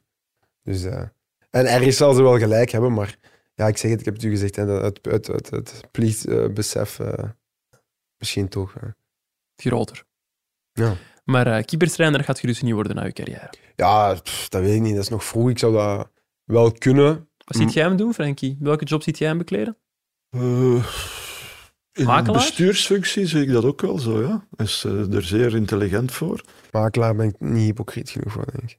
Allee, Stijn Frans stelt graag... Maar zo, zo bedoel, een technisch, eh, Maar Stijn, technisch Stijn directeur. hoort niet graag het woord makelaar, hè? Wat is het dan? Zaakwaarnemer? Ja, ik weet het zelfs niet welke woord hij het liefste hoort. Maar makelaar vindt hij geen, eh, Ah, oké. geen leuke Ja, dat, is ook, dat heeft nu ook een negatieve bijklank. Als je Ja. Ja, ook, maar eh, voilà, Stijn heeft nu wel eh, Nee, nee, maar ik zeg niet in het, in het iets geval anders, Stijn, een betere reputatie dan, Ja, dan, veel. Ik werk nu al een paar jaar samen met hen en, en, en alle, alle complimenten voor de manier waarop hij dat doet samen met, met, met zijn vrouw. Eh, het is echt wel op een heel andere manier dan de klassieke makelaar eh, die iedereen kent nu, of, of waar iedereen van denkt dat dat de manier van eh, zaken doen. Stijn heeft wel aangetoond dat het op een andere manier ook kan. Ja, hij, roert Maar ik denk- zich, hij roert zich af en toe op eh, Twitter ook. Ja, eens, inderdaad. eh, En, en Stijn is gewoon een heel intelligent iemand ook. En, eh, ehm, maar ik denk, ja, ik, je zei nou, bestuursfunctie. Ik denk inderdaad, ja, ik ben wel iemand die graag mijn stempel wil uitdrukken en aan iets wil bouwen. Renovatie. Ik wou hem net niet binnenkomen. Maar eh, ja, misschien wel. Maar in wat functie exact, dan, dat weet ik niet. Maar weet je, als je in een club gelijk Genk, weet je, dat is een jonge club die nog veel stappen wil zetten, komt nieuw trainingscomplex en zoals je aan zulke dingen kunt meewerken. Ik denk dat dat wel heel veel voldoening kan geven. Ik heb nog één luisteraarsvraag. Klopt het dat hij vroeger graag je carrière wilde afsluiten bij KV Mechelen? Poeh. Ja, mijn vader eh, is een geboren en getogen Mechelaar en kakker. Eh, laat ons zeggen dat ik, ik heb geweend eh, als jong gastje als Mechelen failliet eh, was en naar derde klasse moest. Eh, laat ons zeggen dat de liefdesrelatie met Mechelen, het bewuste degradatiejaar, dat we met Eupen ons op de laatste speeldag gered hebben, dat daar de liefde een serieuze deuk heeft eh, gekregen. Eh, maar oude liefde roest niet. Eh, ik kom heel graag in Mechelen. Ik Mhm. kom ook heel goed overeen met Elias Kobout, die ook nu terug in Mechelen is. Juist. Moest ik ooit nog bij Mechelen spelen, zou ik daar zeker geen nee tegen zeggen. Ik denk dat dat een hele mooie club is, met le- hele, hele, misschien wel de beste fans van, van België. Tribune Zuid, neem, dat, neem, neem me dat niet kwalijk. maar ik denk, allee, bedoel, als je, ik denk dat ze hier ook wel alles zouden doen als, als de club in een bepaalde situatie komt om de club te redden natuurlijk. Maar ze hebben het toch maar gedaan, eh, die van, eh, van Mechelen. Dus eh, chapeau daarvoor. Ehm, maar ik zeg het, ik ben afgestapt van echt carrièreplannen, omdat dat, dat, is- dat is bijna onmogelijk, weet ik. Ik heb al altijd keuzes gemaakt die voor mij goed waren. Omdat uiteindelijk is het uw eigen persoonlijke carrière en ik wil daar de controle over houden. Ik denk dat ik dat altijd wel heb gedaan. Eh, nooit een- in een bepaalde richting laten duwen. Ik denk dat dat eh, eigen is aan mijn persoonlijkheid. Wil dat dan zeggen dat ik er sportief en financieel misschien niet het... eh, had ik er dan meer uit kunnen halen? Ja, naar alle waarschijnlijkheid wel. Maar nu zullen veel mensen zeggen... Ja, maar ja, als je geld hebt, is dat gemakkelijk om te zeggen. Ge- Geld is niet alles en maakt, Nee. niet, maakt niet gelukkig. En eh, dat, eh, ik zeg het, eh, uiteindelijk op bepaalde mom- momenten is dat ook gewoon zo. Weet je. Mhm. Kinderen en, en familie en gezin is nog altijd het belangrijkste. En ik heb ook heel vaak keuzes gemaakt in functie daarvan. En eh, ik zeg het, hè, papa zei dat voor de rest van uw leven, voetballen er maar even. En dan heb ik liever dat mijn kinderen zeggen van, oh papa, ik ben blij dat je er altijd voor ons eh, geweest bent. En Toby Alderweireld heeft ook eh, Ja. vaak aangehaald dat hij zich daar heel schuldig over voelde om zo vaak weg te zijn. Ja, en dan heb ik liever niet dat, niet dat schuldgevoel. weet je. Hebt het heel even aangeraakt, die degradatiestrijd strijd, sorry, toen met KV Mechelen en Eupen. Je bent ook wel beschuldigd toen, hè? niet per se jij persoonlijk, maar wel met Eupen. Is dat wat er toen zo hard is binnengekomen? Ja, vooral omdat ehm, ja, eh, wij, onze wedstrijd was eh, Tegen Moes Kroen. sneller gedaan dan Mechelen, omdat Mechelen het coach was toen Dennis van Wijk. Ja. Alle trucken Mhm. van de voor, die waren extra lang in de kleedkamer gebleven. Ja. Dat er een paar eh, minuten verschil was. En hun interviews kwamen al binnen, bij ons als wij klaar waren. En daarin hadden dan meneer, meneer Timmermans, eh, toenmalig voorzitter, en, en Nico, uitgerekend Nicolas Verdier, die van ons uitgeleend was, Mhm. naar Mechelen gezegd van ja, hoe kan dat nu dat, dat Eupen, die, wet, die hebben nog nooit zoveel goals gemaakt. En dan eh, kregen wij verwijten dat we het zouden omgekocht hebben. En wij wisten toen van de avond ervoor, wij waren op afzondering, waren er al dingen aan het binnencijpelen van dat er ergens zou gefoefeld worden en zo. Dus en, daar zijn dan die, onze, mijn emotionele reactie en die van Siebe Blondelle van kijk, het is de pot eh, die de ketel verwijt dat hem zwart zie.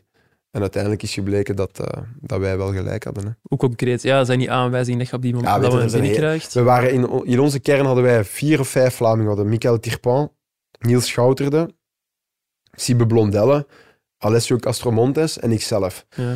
Dus we waren met vijf Vlamingen. En van de vijf waren er vier die in de weken voor de laatste speeldag toevallig gecontacteerd werden door Mechelen voor een transfer te maken op het einde van het seizoen. Ja, dan moet je een tekeningsje bij maken, hè? of wel? Die zomer, had Mocht, ik, die maar- zomer had ik tegen Ajax gezegd van nee, ik zie Tony zitten en dan zou ik wel naar Mechelen gaan.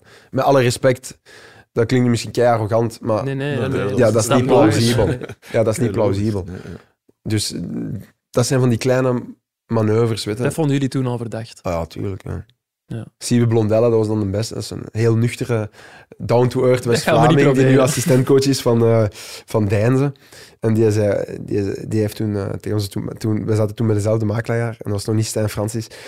die had toen ook gewoon gezegd... Ja, toen, toen, dat een, eh, toen dat onze makelaar eh, ons belde met time, ook gewoon direct een telefoon afgezegd. Ja, hey, dom zitten. Dat is toch zo, zo, zo duidelijk als ziet dat die man ons probeert te destabiliseren. En dat was ook gewoon zo. Hè. Maar was dat nog los van wat het er ja, aan de andere kant speelde bij KV Mechelen? Ja, dat moment? tuurlijk. Ja. Maar ja, weet je, als jij... Stel dat je nu... Je hebt vier Vlamingen, dus ja, dat ligt al... Me- Mechelen, mooie Vlaamse club en zo. Mhm. En je krijgt een contract voor... eh, zover is het niet gegaan, hè, omdat we er niet op zijn op ingegaan. Maar stel dat je Mhm. alle... Je krijgt een contractvoorstel. En dat is dubbele van hetgeen wat je bij Eupen hebt. Maar je En je krijgt een vindt- contract alleen als en je KV vindt- erin blijft. Ja, ja, bijvoorbeeld. Mhm. En je komt dat overeen. Ja, hoe ga jij dan die laatste match spelen? Stel dat je daarop ingaat. Ik pak nooit veel ballen, maar ja. nee, nee, dat is een eh, heel terechte vraag inderdaad. Dus Maar daarom die- dat iedereen dat ook bij ons gewoon geweigerd heeft. ja. Maar Gelukkig. die, die wedstrijd tegen Moes Kroen, daar heb je zelf nooit een raar gevoel bij gehad. Nee, tuurlijk niet. Want als je die wedstrijd terugkijkt, in de eerste helft was het 0-0. Dan heb ik nog twee, drie 1 tegen 1 fases gehad. Ja, Ja. Voor hetzelfde geld stonden wij 0-2 achter aan de rust. Interessant een inkijk. Ik zei het al in het begin van de aflevering, de kerstperiode die is aangebroken. Dat is ook eh, traditioneel de periode dat de Pro League haar kerstactie ten voordele van United Belgium organiseert. Jullie veilen met Genk niet alleen eh, wedstrijdgedragen truitjes, maar ook een VIP-pakket voor een wedstrijd. De mensen kunnen erop bieden op het platform Matchworn Shirt. Kunnen dat vinden in onze, you- allee, onder onze YouTube-aflevering. En er kan op geboden worden van 15 tot en met 30 december. Shirtjes, zeg jij eigenlijk een verzamelaar, Hendrik? Nee, Totaal niet? nee. Niet materieel Ik heb zelfs moeite truitjes van mezelf. Echt? Ja. Allee, Maar mijn oudste zoon heeft me daar wel op patent gemaakt, omdat we hebben nu een nieuw huis. En eh is helemaal onderkelderd. En een deel van de kelder is met kunstgras en zo. Dus dat is eigenlijk een beetje een binnenpleintje slash fitness. Hey, papa, het zou toch schoon zijn als je hier wat, wat truikens ophangt. Dus ik Leuk die idee.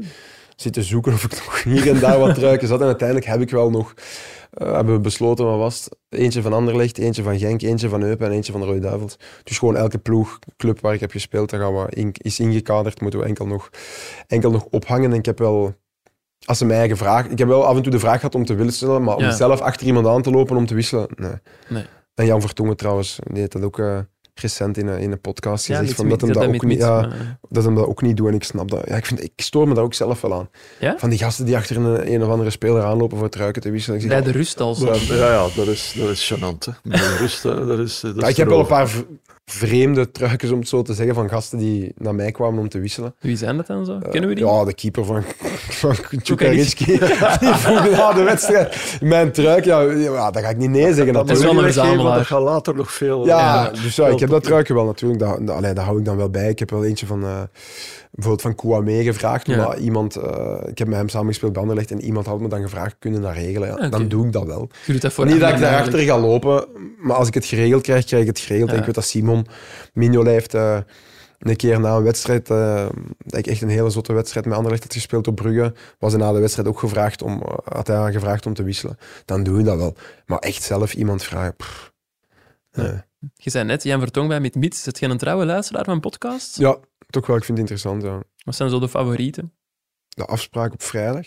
Ah, serieus? Nooit op tv, altijd die eh, die in luister ik meestal eh, op maandag of zo. Eh dat luister ik dan, ja.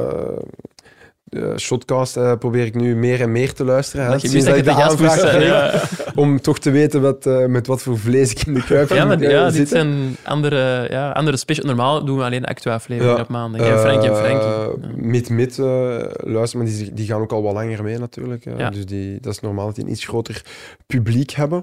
Hebben ze Eh, hier eh, in Genk eh, eentje? Hebben ze hier... eh, ja, Trill Ja, hè. Talks. fanpodcast, hè? Ja, fanpodcast. Ook, Ja, ook goeie. geweest, Ook wel een goeie. En Welcome to the EA, daar zit je ook van. Ja, natuurlijk. Ja. Ooit al gezien. ja, zeker. Daarop niet gevraagd eigenlijk? Ik denk niet dat ik bekend genoeg ben om daar Ja, uitgenodigd te worden. Alex kent ken ook niet veel van voetbal. Alex kent niet veel, Andries wel. Ja, Andries is ook zwaar. Antwerp van. Hè? Ja. Inderdaad. Dus eh, ik weet wel dat een Andries keer, af en toe wel een keer reageert op, een op iets of zo, dus hij volgt het wel. Maar, eh, maar ik zeg, ik ben ook iemand die babbelt graag over dingen breder dan voetbal. Ja. Eh, Sorry dat er vandaag weinig is gebeurd. Hè. Ja, nee, maar kijk, dat is de context eh, die er is en dan, dan eh, respecteren we dat wel. dat is ook zoiets, hè. ik, Dat, denk, ik denk dat jij de enige voetballer bent die luistert naar eh, de afspraak op vrijdag. Zou dat kunnen ja, maar ik kijk ook Dat- graag dingen, hè, bijvoorbeeld Villa Politica, als Ja, eh, ja. op afzondering zijn en je, hebt, eh, en je speelt zondag in de namiddag of zo, Mhm. Ja. ja, dan kijk ik in de kamer, zevende dag. de zevende dag in Villa Politica. En wat zeg je de Ah, ploegmaats ba- dan? maar- Ja, ben jij man. ik weet, als ik dat wil zien, dan zie ik dat. Dan ligt Eh, iedereen aan de kampioenen te kijken en hij zit er naar... Ja, nee, maar dat is gewoon, ja, weet je, ik vind dat, die Nee, debatten en zo, ik vind dat was er alleen de tv, hè. Dan, Ja, eh, dat is dan ook zo. er wel overeenkomen. Hè. Nee, nee, dat is ook zo. En, Zwaar, eh, ja. Ik vind dat, ja, dat is- dat is- en die hebben ook wel lang, eh, eh, wat is dat, eh, Mysteries van Vlaanderen of Mysteries in Vlaanderen, wat is dat, van Radio, Moordmysteries of zo. Of van Radio dan? 2 of zo, weet ik Ah. niet meer. Maar Oh. dingen, Nieuwsblad heeft er toch... als- De stemmen van Assise, Ja, dat is ook... ja. Ja, die heb Ja. ik ook een paar keer geluisterd. Dus. Kijk Maar ik, ik, luister wel meer podcast dan dat ik muziek luister of zo. Ja. Eh, maar liefst ook breder dan alleen, het leven is meer dan alleen maar voetbal. Hè. Dat is waar. maar dat soort waar. dingen, en daar worstel ik wel vaak mee. Je mocht zo bepaalde dingen niet zeggen en zeggen ze dan. Als Waarom voetballer. Zoals... Als publiek figuur moet je in bepaalde dingen geen positie pakken omdat je een publiek figuur bent. Ja, je hebt dan, een dan, opvallend- dan stel ik me dan soms de vraag van... Ja, waarom zet je dan publiek figuur? Dus omdat ik-? Als ik de... Oh, sorry. Nee, als ik de luxe heb om publiek figuur te zijn en dus een, een, een, een publiek te hebben dat je kunt eh, aanspreken, Mhm. en dan mag, ik niet, dan mag ik dat niet gebruiken om mijn mening te delen. Ja, maar dan gaat je de publieke opinie beïnvloeden. Ja, ja that's the whole point. Ja, dat is uw voordeel dat je hebt. Ja, voilà. En Maar ik zeg zo, als voetballer moet de politiek correct zijn altijd. En dan heb ik zoiets van, nee, alsjeblieft. De politieke correctheid is zo doorgedraaid momenteel. En, ja, maar over bepaalde dingen, ja, moet en ik wat, dan wat respect... mocht je dan niet zeggen?